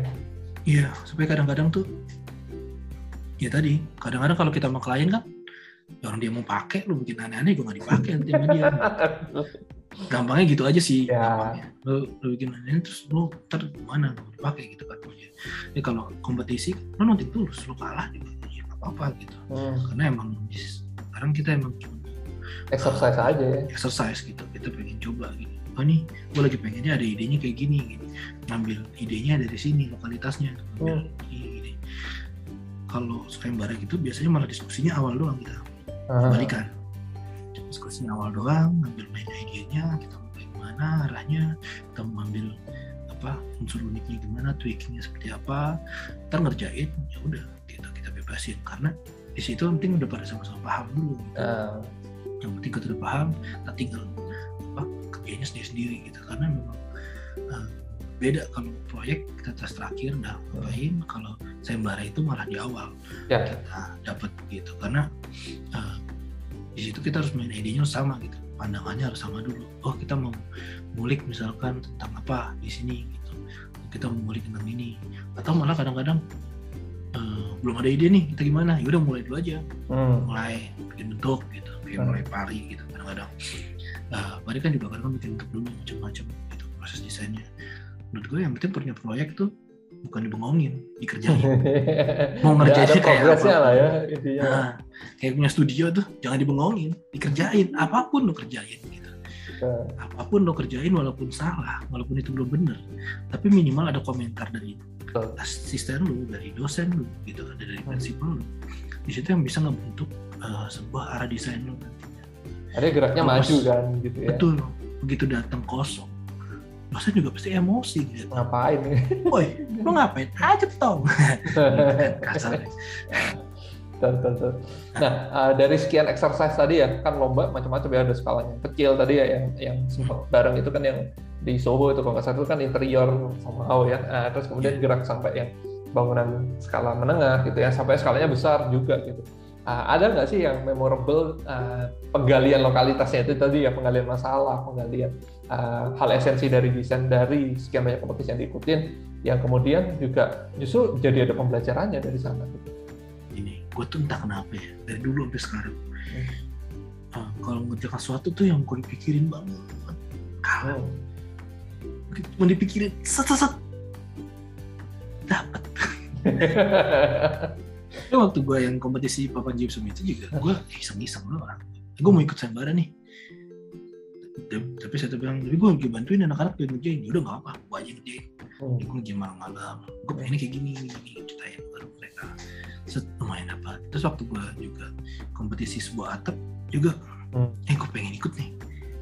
Tapi gue udah jadi. Gue nggak bilang anak-anak. Gue ngerjain dulu tapi. Gue ngerjain dulu baru gue bilang ke anak-anak kayaknya kayak gini gini gini gini gini. Gimana? Kata kurang ini tambah ini oke oke. Eh, intinya sih eh, kalau gue kompetisi kayak ini buat gue ya. Hmm. gue tuh sebenarnya harus suka dulu. Hmm. lu mau ngerjain bener-bener itu gitu. Jadi pertama tuh itu. Baru karena kita suka kita galinya jadi ngulik gitu. Malam-malam lembur jadi seneng gitu. Seneng, bener. balik lagi balik lagi ke seneng gitu Betul. kalau udah unsurnya terpaksa tertekan uh, marahin bos kalau nggak gini. Nggak akan bagus ya mbak yakin ya bagus sih bagus. Mungkin bagus. Cuman nggak akan nggak akan nggak akan Gak akan nggak dari seneng. hati gitu ya. nggak akan dari hati gitu. Kalau gue entah kenapa yang dari hati tuh kayak lebih selalu eh kok jadi bagus gitu? Maksimal, ah jadi maksimal. Kalau pakai ngapain pakai? Ada diskusi jadi berdebat gini gini kenapa jadi kalah terus gitu? Terlalu Ah. banyak terlalu banyak yang apa ya terlalu jadi rumit kepala gue terlalu rumit Jadi beban. jadi kayak nggak bisa keluarin sesuatu gitu tapi kan Betul. kepala kita ringan kita ngeluarin sesuatunya jadi maksimal gitu makanya gue kadang-kadang nggak mau terlalu menekan orang akhirnya dia nggak bisa memaksimalkan potensi yang dia punya gitu Hmm. jadi gue lihat aja dulu nih orang kayak gimana gitu emang kalau emang terpegawai kita nggak cocok sama siapa ya mungkin karena karena kita ada bahasa kontrak ya Hmm. eh, ya udah mungkin kita bisa pemikirin dengan kontrak tadi gitu Hmm. cuma kalau apa namanya eh, intinya sih biarin aja dulu dieksplor gitu jangan Mhm. terlalu di apa namanya jangan terlalu di nanyain cuma dikasih tak kasih target gitu. mereka untuk eksplornya berapa lama gitu Oke. ya karena memang ujung-ujungnya ya orang yang nanti seneng dengan nanti ngapain pas ngedesain tuh jadi lebih apa ya lebih Auranya beda ya. Kayak udah udah sepet gitu udah udah deh Kayak enak deh. Oke. Yang yang menarik juga kan sebenarnya kalau kalau gue alamin tadi ya, yang tadi cerita bahkan malam aja ngerjain bisa super enjoy gitu ya, nggak nggak berasa capeknya gitu kalau emang menikmati itu gitu. Satu lagi yang dari kompetisi yang menurut gue menarik kan timeline yang pendek ya. Eh, itu itu kayak kayak maksa otak kita tuh mikirnya lebih cepat aja gitu karena eh, kan eh, range-nya pasti nggak selama proyek terus eh, decision makingnya juga lebih instant gitu ya istilahnya. Em, nah eh, dari dari sekian kompetisi dan lain sebagainya tadi yang yang diikuti sama KM0 segala macam, yang lu sendiri cerita bahkan ada yang lu kerjain sendiri dan lain sebagainya gitu ya. Um, exercise yang seperti apa sih yang kemudian uh, ini akhirnya tetap lu lu lanjutin gitu? Maksudnya uh, di di samping tadi karena senang gitu ya memilih kompetisi itu ada pertimbangan lainnya nggak sih? Maksudnya apakah karena karena gue gua pribadi ya kadang kalau ah ikutan kompetisi uh, bandara deh gitu karena rasanya untuk dapat proyek bandara aja mungkin hampir nggak mungkin gitu ya supaya setidaknya someday kalau emang ada kesempatan yang datang tuh kita nggak kaku lagi gitu. Nah itu kalau bicara apa ya tadi ya pemetaan masalah dan lokalitasnya itu tadi ya ada ada exercise di situ gitu selain karena suka gitu. ya maksa diri aja untuk latihan Se- itu. gitu. setidaknya kalau kita komentarin kok apa uh, airport orang yang udah jadi kita udah pernah bikin gitu Iya, yang lebih bagus nih ini ada kalah tapi minimal udah udah pernah bikin gitu. Setidaknya jadi tahu gitu loh oh tornya sambar eh tornya bandara tuh kayak gini tornya Hmm. rumah sakit tuh kayak gini gitu kan ya. Kenapa ya toilet jauh banget di di, betul. di airport? Oh ternyata emang tornya toiletnya cuma sekian bagian lebih gitu. Heeh, itu jadi kita juga tahu maksudnya di situ. Nah gue bilang ya sayembara emang sebuah kayak apa ya refreshment lah buat kita gitu proyek-proyek baru ada proyek-proyek yang kadang-kadang beyond lah gitu. Kita nggak usah Hmm, mikirin iya. yang kita nggak mungkin ngebangun nih. Nggak mungkin kita dapat klien kayak beginilah gitu. Gue Ya. pada sayembara yang kalah cuman lagi punya ide nih pengen bikin kayak gini. Udah nggak apa-apa bikin aja. Kalah nggak masalah gitu. Walaupun kalah tapi eh, ya udah idenya bisa keluar gitu. Idenya bisa keluar gitu. Terus kenapa apa namanya kan itu nggak seru dong proyek yang nggak dibangun. Nggak masalah. Toh mas Ang juga banyak proyek-proyek yang dibangun ya. terus dia dia buat pameran gitu. Hmm, kalau mau, mau mau nyari perseden ya mau nyari perseden yang kayak gitu udah banyak perseden orang-orang yang uh, proyek nggak dibangun tapi dibuat market atau dibuat sebuah pameran supaya orang bisa melihat gitu. kadang-kadang di situ adalah uh, apa ya kasarnya karena arsitektur bukan cuma desain ya pemikiran juga kan. Kalau pemikirannya Ah, bisa dipublikasikan gitu kan. Iya itu kalau apa ya bahasa kasarnya nih kayak ejakuasinya arsitek gitu mana ngomongnya susah. Jadi kayak ya ya paham paham. Klimaks lah klimaksnya klimaksnya eh, arsitek gitu. Dia pengen oh gue gue gue nggak tahu nih bisa menang apa nggak tapi gue pengen bikin kayak gini di sini.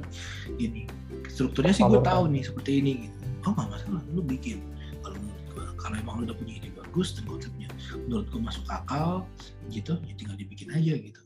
Kalau emang pun kalah ya nggak masalah gitu. Kalau emang bagus toh kita bisa suatu suatu saat mungkin bisa dibangun gitu Toh, hmm. Mas Pangamo juga awal-awal zaman di kita lihat buku di relativitas eh, itu banyak Kompetisi. banget buku-buku yang kompetisi-kompetisi yang ajib-ajib gitu betul betul kayak gimana gimana bahkan ya waktu gue kuliah tuh ini bukan kompetisi sih tapi gue pernah gue udah mikirin inilah gue bikin desain sehari gue asistensiin ke dosen gue uh, gue super sibuk lah.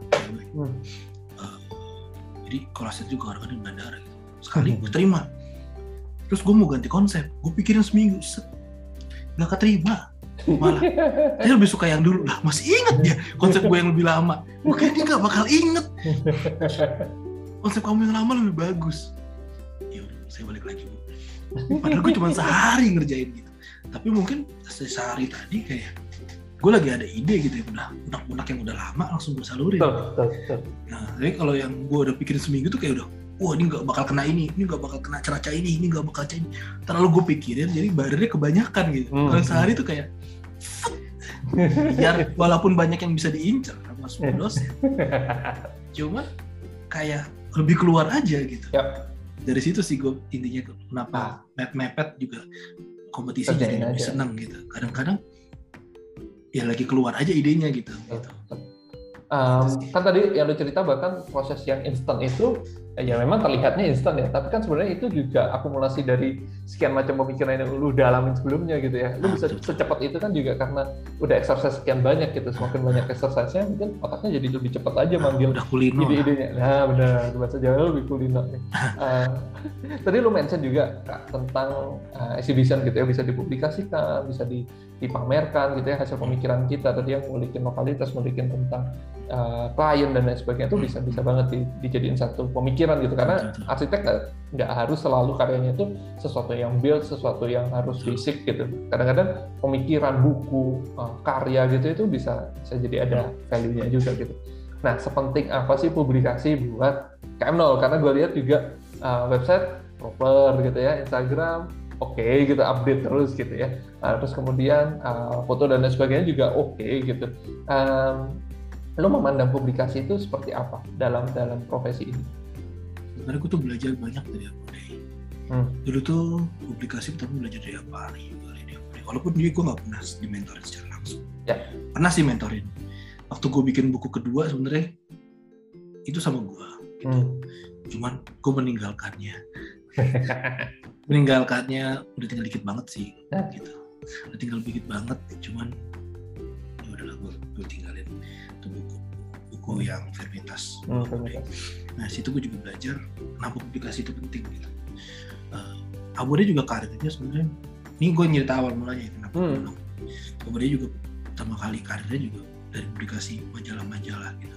Hmm. Kayak dia kenal beberapa majalah yang akhirnya uh, bisa memblow up karya-karya Abode. Kenapa Hmm. Abode pertama-tama bilang parade? Karena dia memblow up semua yang udah dibangun dia gitu Hmm.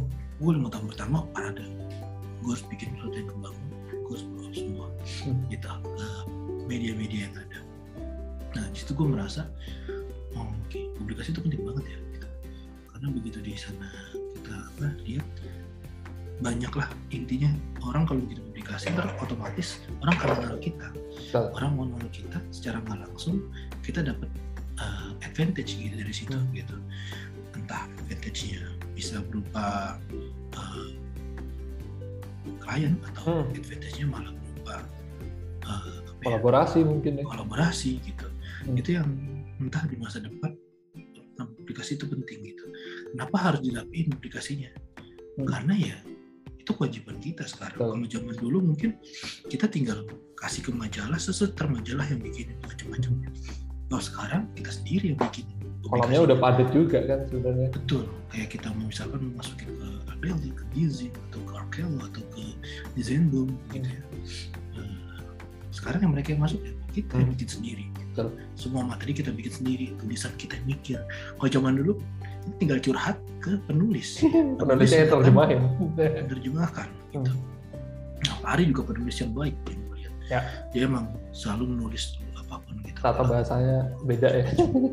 Nah itu makanya gue juga uh, respect ke dia. Gitu. Hmm. Gue sih nggak sebagus Pak Ari tulisan, tapi sebenarnya gue bisa menulis garis besarnya. Nanti yang rapiin saya tuh itu gunanya. saya nggak bisa. Kadang-kadang ya bang, ya itulah kemampuan bahasa ya. Kemampuan Hmm. bahasa saya juga kadang-kadang terbatas ya. ya. Nah, jadi uh, ya kenapa saya partner juga kadang-kadang itu bisa ngimbangin saya gitu kalau saya kadang-kadang nggak bisa terlalu tulis yang bagus tapi saya tahu nih saya mau ngomongin arah ke sini gitu. Makanya saya suka apa pun yang saya kerjakan sendiri kayak skripsi ini orang-orang pada tebel-tebel Hmm. berapa halaman gue tuh kayak paling tipis waktu di kampus. Cuman kalaupun apa pun yang ditanyain tentang tulisan ingat saya semua. ngerti. Karena gue nulis sendiri gue ngetik sendiri semua bukan copy paste Hmm. Gitu intinya sih jadi apa pun yang kamu kerjakan sendiri pasti kamu akan ingat dan ingatnya tuh selamanya gitu Hmm. gitu kayak proyek kamu kerjain kamu sendiri yang kerjain Hmm. bukan asisten kamu eh mungkin asisten nggak apa cuman di situ kamu involve pasti Yang kamu juga nge-drive akan ya ingat gitu setidaknya ya. apa ngapainnya gitu Hmm. ini kalau kita nggak kerja sama sekali pasti akan pasti bingung Hmm. ini gue harus nulis break ini tulisan apa ya Iya. gue pernah tuh diceritain salah satu asisten besar tapi gue nggak mau mention Ya. Eh, dia bingung mau nulis bukunya karena dia bingung nih proyek apa ya bagusnya Istimewanya apa? padahal steknya besar besar banget gitu ya kan Hmm. gue sampai bingung gitu wah serius loh dia ngomong kayak gitu iya kayak gue setelah gue pikir ya itulah pentingnya kita harus into the project gitu minimal uh, kita nggak 100% masuk ke itu project kita tetap kontrol gitu kita tetap Hmm. lihat setidaknya kita tahu ceritanya gitu Betul. begitu kita mau publikasi kita tahu ceritanya ini apa bangunan ini gitu karena nggak sekarang kita publikasi artikel kalau tanpa tulisan bangunan ini Ya nggak nggak bakal tembus. Iya. harus punya cerita yang menarik Ada value-nya tadi ya baca, gitu kalau Oke. sekarang kayak nembus artikel susah ya Semua orang orang pada pada padat cerita-cerita. itu kan. iya cerita cerita semua orang cerita ke gue itu susah tapi, masih banyak website website yang lain lah ya maksud gue ya, eh, alternatif publikasi kan nggak cuma itu. alternatif publikasi gitu maksud gue walaupun dia sekarang udah beli desain boom kalau nggak salah Hmm. masih ada desain tapi desain boom kayak mungkin proyek Akili yang bakalan oke lah lu gampang upload mungkin dengan desain boom gitu, atau Hmm. gimana kayaknya dia beli itu supaya kalau misalnya udah kepenuhan atau mungkin ini buat yang bagus-bagus doang gitu tentang ini ya bukan semuanya bagus sih maksud gue dalam artian eh, yang lolos kurasi dia yang belum Hmm. lolos kurasi dia ada kekurangan dikit bisa di situ mungkin ya maksudnya kenapa dia beli beli apa platform baru gitu menurut Ya. gue sih di masa depan kenapa penting banget nih publikasi ya apalagi ntar bakalan metaverse dan macam-macam Hmm. menurut gue arahnya akan bakal ke media media digital semua sih Betul, apa pun gitu ngomong ngapainnya ya Di kita sekarang kan ya kita mulai doang. digital kan ya semuanya udah udah udah uh, online apa segala macam Betul, Uh, betul. apalagi pandemi dan kawan-kawannya gitu ya udah udah udah ke sana lah Ya ini, ini penting banget sih pandemi. Dulu gue merasa, cir gak bakal bisa deh. Ini kalau ngerjain kerjaan online gini susah diskusi. ternyata works Kan ya sulit. Ternyata works semuanya. Bisa semua. Gak ada yang gak karena bisa. manusia tuh perlu dipaksa sih Iya, maksudnya gue dulu pertama gue juga punya pahaman itu, wah nggak bisa. Tapi lambat laun Ya, evolve, ya. jadi bisa gitu ya evolve. Itu emang kadang-kadang ya emang harus beradaptasi sama keadaan. Kalau kita nggak adaptasi sama keadaan, ya kita punah. Gitu. Nah, ini ya salah satu adaptasinya adalah kita WFA gitu. Emang beberapa kantor emang udah udah Balik udah lagi. masuk udah pada masuk sih 100%. Cuman beberapa yang masih mikir, aduh kalau masih ada omikron masih ada itu teman dia kayaknya masih Ya. ah, stable deh. Jadi Betul.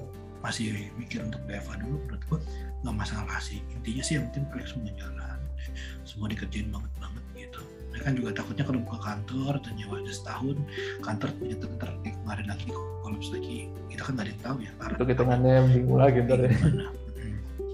oke uh, ada Hmm. terus Oke, ya. Gue belajar banyak sih, maksudnya dari obrolan ini. Ini mungkin masuk bagian-bagian akhir dari obrolan juga ya. Maksudnya tadi kalau dikaitin lagi balik ke lokalitas, Ini lu lu cerita gue kan nggak gue kan nggak bakal ada isinya nih. Kan lu lu tadi cerita kenapa pentingnya menggali um, esensi dasar dari proyek-proyek yang lu kerjain segala macam. Itu kan Nah, goalsnya sebenarnya untuk uh, apa ya istilahnya kayak ya ya kita perjuangin ada value tertentu gitu dalam sebuah proyek itu nggak hanya sekedar ya udah dikerjain selesai gitu. Tapi tapi dengan menggali lokalitas dengan menggali permasalahan inti dengan menggali esensi dasarnya segala macam itu justru kayak lebih Hmm, lebih kita sadar uh, apa yang kita perjuangkan satu kedua exercise kita kita jadi lebih uh, variatif juga gitu ya menemukan permasalahan jadi lebih tajam dan seterusnya. Nah uh, sedikit mungkin ada ada rencana apa dari KM0 Studio ke depannya gitu. Kalau ini kan tadi sudah dilalui nih kalau kalau ini bahkan lu uh, kita jadi kontak-kontakan karena uh, lu sendiri kan udah punya satu rencana gitu ya bikin-bikin uh, obrolan podcast segala macam gitu. Ada ada rencana apa dari KM0 Studio yang yang lu harapkan? Ya ini terjadilah gitu. Untuk untuk pengembangan KM0 Studio sendiri. Podcast podcastnya podcast kayak orang gitu ya misalkan ada beberapa yang kantornya gitu yang bikin. Ini podcastnya gue sama temen gue yang orang Jogja gitu ya hmm. ya saya tau juga dari Jogja maksud gue eh, teman angkatan gue yang kita bikin beda kantor lah tapi kita pengen bikin podcast karena pengen pengen ngobrol-ngobrol sama orang dia pengen cari sebuah apa ya yang refreshing lah jadi gue Hmm. kalau refreshingnya dulu sayembara karena banyak sayembara kayak sayembara kan udah mulai berkurang berkurang jadi Ya. mikir kayak kalau bikin podcast seru ini gitu Hmm. kita bisa bikin bisa bisa bikin refreshing gitu ngobrol siapa gitu tapi eh gue bikin terus kita apa nih? Itu bedanya gitu. Gue bilang gue bilang gini oh lucu juga ya kalau misalnya kita bisa topik tapi sumbernya banyak gitu. Hmm. nah, tapi emang nggak mungkin kan juga kalau ada satu yang kita boleh kayak gini sih. Tapi kalau misalkan kita punya topik apa satu nanti kita tanya banyak gitu. Tapi mungkin awal-awal gue nggak akan topik-topik yang berat banget gitu. Kayak Hmm. misalkan ringan ringan. Karena gue lebih pengen ya, pertama-tama tuh sebuah yang ringan. Ya kalau katanya Brian tuh obrolannya pengen kayak obrolannya Kubra Hilman gitu. Jadi emang sesuatu yang ringan lah bukan yang sesuatu yang berat gitu kita Hmm. awal gitu. Tapi nanti kalau emang harus ada topik yang serius kita bahas kita akan bahas topik serius juga gitu. Tapi pengennya sih nggak menyinggung siapa pun ya di situ karena takutnya memang kalau membahas topik-topik serius akan menyinggung seseorang jadi ya gak enak ya. Itu itu sih itu rencana itu kan rencana time masih rencana gue sendiri gitu dan temen gue gitu Eh, sekarang juga nama juga masih masih gerak-gerak terus namanya. Namanya masih gerak kalau di KMO Studio sendiri rencana ke depannya sih hmm, kalau emang terproyeknya nambah banyak sih pengennya nambah orang juga gitu. Hmm. yang gitu. Eh, apa namanya di kantor. Karena memang nggak ada masalah juga sih sebenarnya untuk masalah kecil kecil kantor. Sebenarnya gede kecil kantor adalah masalah seberapa besar proyek yang lo dapetin gitu. Hmm. tapi itu ada pengaruh juga sih sebenarnya. Kalau lo begitu developer besar sih akan aja kan yang berapa. Ya betul betul. Karena situ akan uh, tahu dia jadi parameternya ya. berapa kita bisa handle project gitu. Nah, itu penting tapi untuk sebelum ke sana kita untuk biro-biro yang kecil adalah gambling gamblingnya adalah kalau kita hire banyak orang apakah dia akan stable sama kita terus Betul. si inflow besar itu yang sebagai apa harus dipertimbangkan juga gitu untuk apa ke depannya gitu nah kalau proyek-proyek kita sih sebenarnya ya di jalan banyak juga sih entah interior lagi konstruksi gitu Eh, ya semoga jadi semua lah semua bangun. sebenarnya ya tadi ujung-ujungnya banyak kan sih yang dihargai di Indonesia Hmm. tapi juga jangan salah sih kalau yang melakukan sayembara atau pengen bangun itu bisa sesuatu yang menarik. Balance aja ya karena masing-masing. ah gitu. Menurut gue sih kalau emang lo butuh semua itu ya lo bikin market aja proyek sayembara lo semua gitu. Misalnya kalian gitu udah punya sayembara yang lo suka lo bikin market aja terus ada pameran apa lo ikutin. Karena kadang-kadang uh, kalau awal-awal gitu kan bikin biro kan kadang-kadang gue cuma dapet rumah-rumah kayak gini dipamerin ya kayak biasa aja gitu tapi Hmm. kalau lo sayembara kan kadang-kadang bisa edan-edanan betul. marketnya pun bakal edan-edanan menurut gue gak masalah gitu maksud gue eh, dalam artian ya tapi kan itu kan bukan real ya gak masalah sih tapi kan setidaknya orang bakal ngeliat oh kemampuan desain gitu ya. lo adalah seperti ini gitu Hmm. gitu menurut gue terus gue jangan jangan apa ya jangan membatasi diri dengan barir-barir barir yang kalian tuh ciptain sendiri gitu. Iya, kadang-kadang kita suka membataskan apa ya bikin barir sendiri gitu.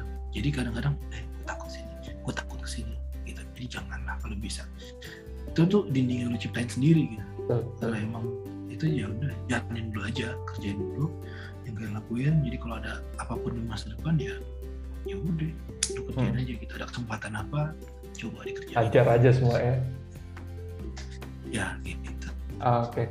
Ah, ajar bleh Kak, banyak banget yang gue pelajari dari obrolan kali ini, terutama kalau mau balik lagi dikaitin lokalitas tadi, eh, salah satunya adalah nggak berhenti belajar lah ya. Maksudnya pemaknaan lokalitas ini justru mencari root-nya atau mencari akarnya, mencari betul apa sih yang kita bisa ulik lagi gitu.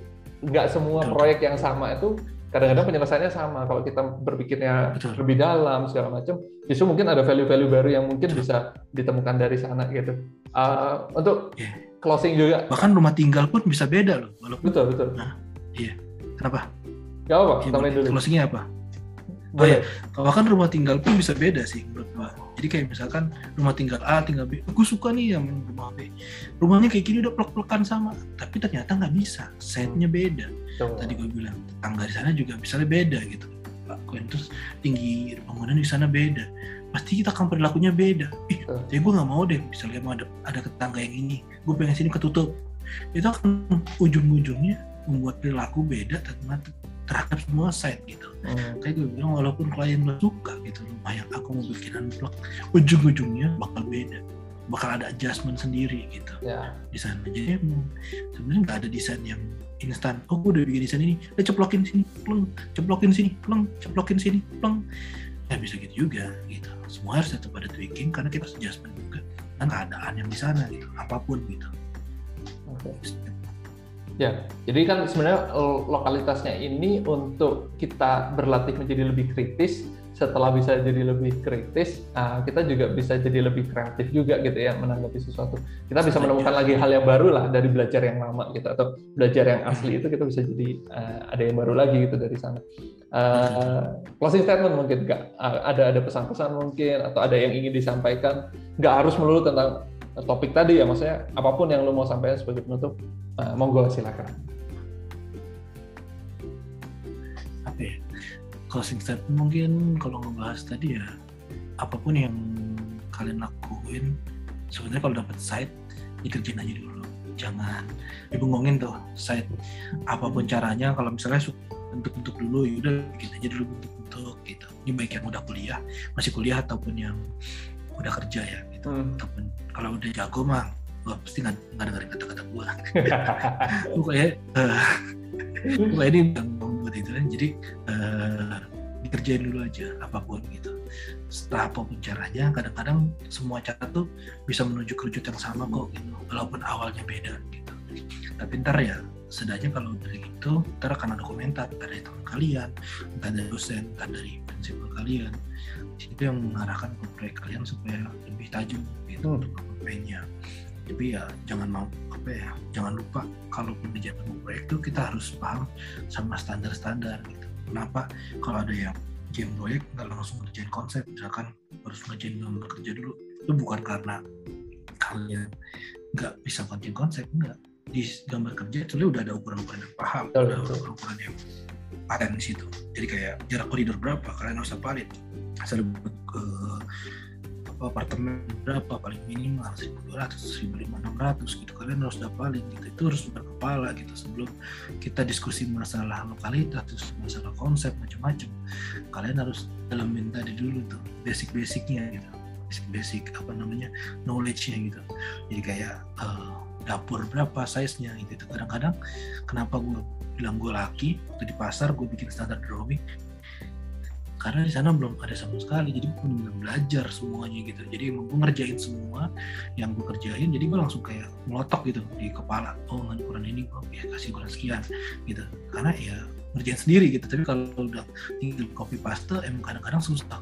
Melotok ya kadang-kadang karena nggak kita memoris gitu kadang-kadang cara belajar kan gitu ya ada orang yang baca buku supaya dia lebih paham lagi dia nulis lagi atau Hmm. dia menjelaskan isi bukunya kepada orang lain Ya. supaya dia lebih paham nah sebenarnya seperti itu sih cara belajarnya Ya, betul. gitu nah ya intinya sih namanya eh, kalau bisa sih kalian kerja setiap pun supaya kalian juga ngerti macam-macam gitu dari semua hal jangan apa ya ya kalau instan sih bisa aja sebenarnya kalau misalkan eh, oh gue udah ada template kok gue langsung bisa kayak gini. Ya bisa semua sih bisa aja gitu. Hmm. orang eh, kalau jadi owner langsung tanpa jadi junior juga bisa. Kan udah bisa macam-macam. Cuman sekarang kalau kalian benar-benar mau belajar arsitektur dan membuat arsitektur menyenangkan pelajarilah pelan-pelan step by step gitu.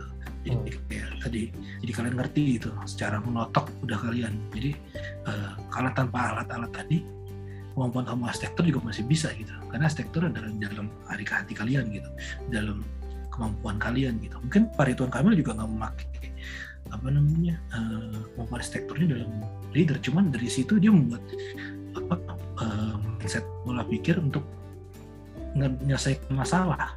Kalau kita lihat beberapa kali di, di apa TV kan dia bikin mindset Ya, mapping mapping mapping nah mungkin dari situ kalian juga bisa nggak harus arsitektur arsitek jadi arsitek eh, sekolah arsitektur nggak harus jadi arsitek sih Betul. cuman di situ kalian bisa supaya apa ya punya kemampuan yang inilah punya kemampuan yang bagus gitu di sini Oke. itu sih intinya I see. Oke. Eh, thanks a lot, Kak. Eh, maksudnya eh, banyak yang rasanya bisa dipetik dari obrolan ini, terus kemudian walaupun Semoga santai tadi. ya. dan dan satu hal yang jangan dilupain tuh enjoy apa yang kalian lakuin gitu ya. Karena dengan enjoy Nah, itu eh, atau cinta sama apa yang kalian kerjain itu hasilnya pasti jadi maksimal gitu. Kalau dipaksain nggak ada yang bagus lah hasilnya gitu. Oke. Betul. eh, harus enjoy apa pun harus enjoy setuju Oke, Uh, buat yang penasaran KM Long Studio itu yang mana, UK yang mana segala macam, boleh mampir ke Instagram juga ya kak ya. Ini gua Boleh, boleh. ya. Uh, di di Instagram personal UK itu ada di UK A A R C H I T E C T UK tuh. UK Architect. Iya, sebenarnya itu adalah nama Instagram gue masih zaman. Jadi itu sebelum itu udah alay alay kedua sih, lebih alay yang pertama sih namanya itu. Oke. Dulu tuh email gue zaman eh, SMA kelas 3 yang gue bilang itu email gue tuh pengen jadi arsitek. Anjir, banget sih.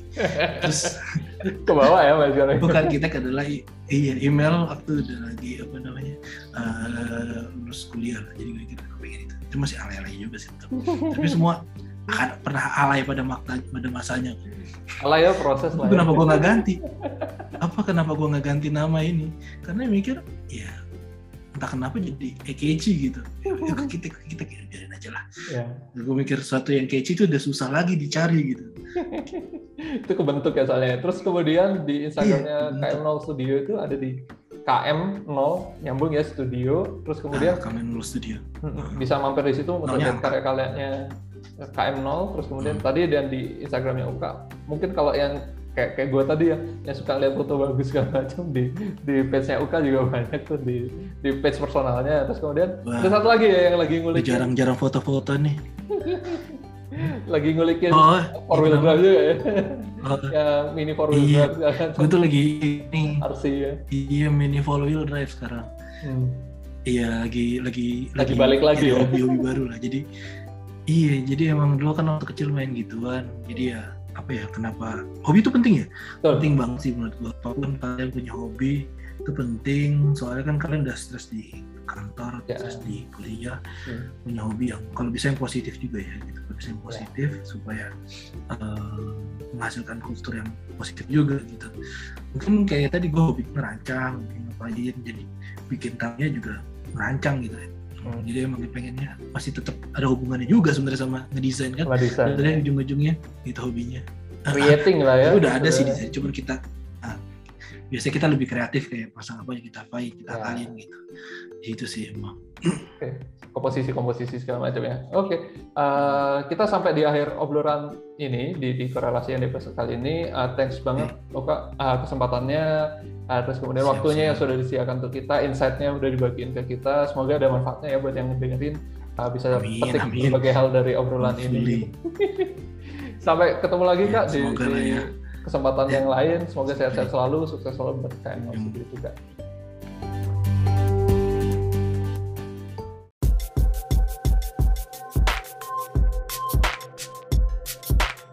Thank you for listening.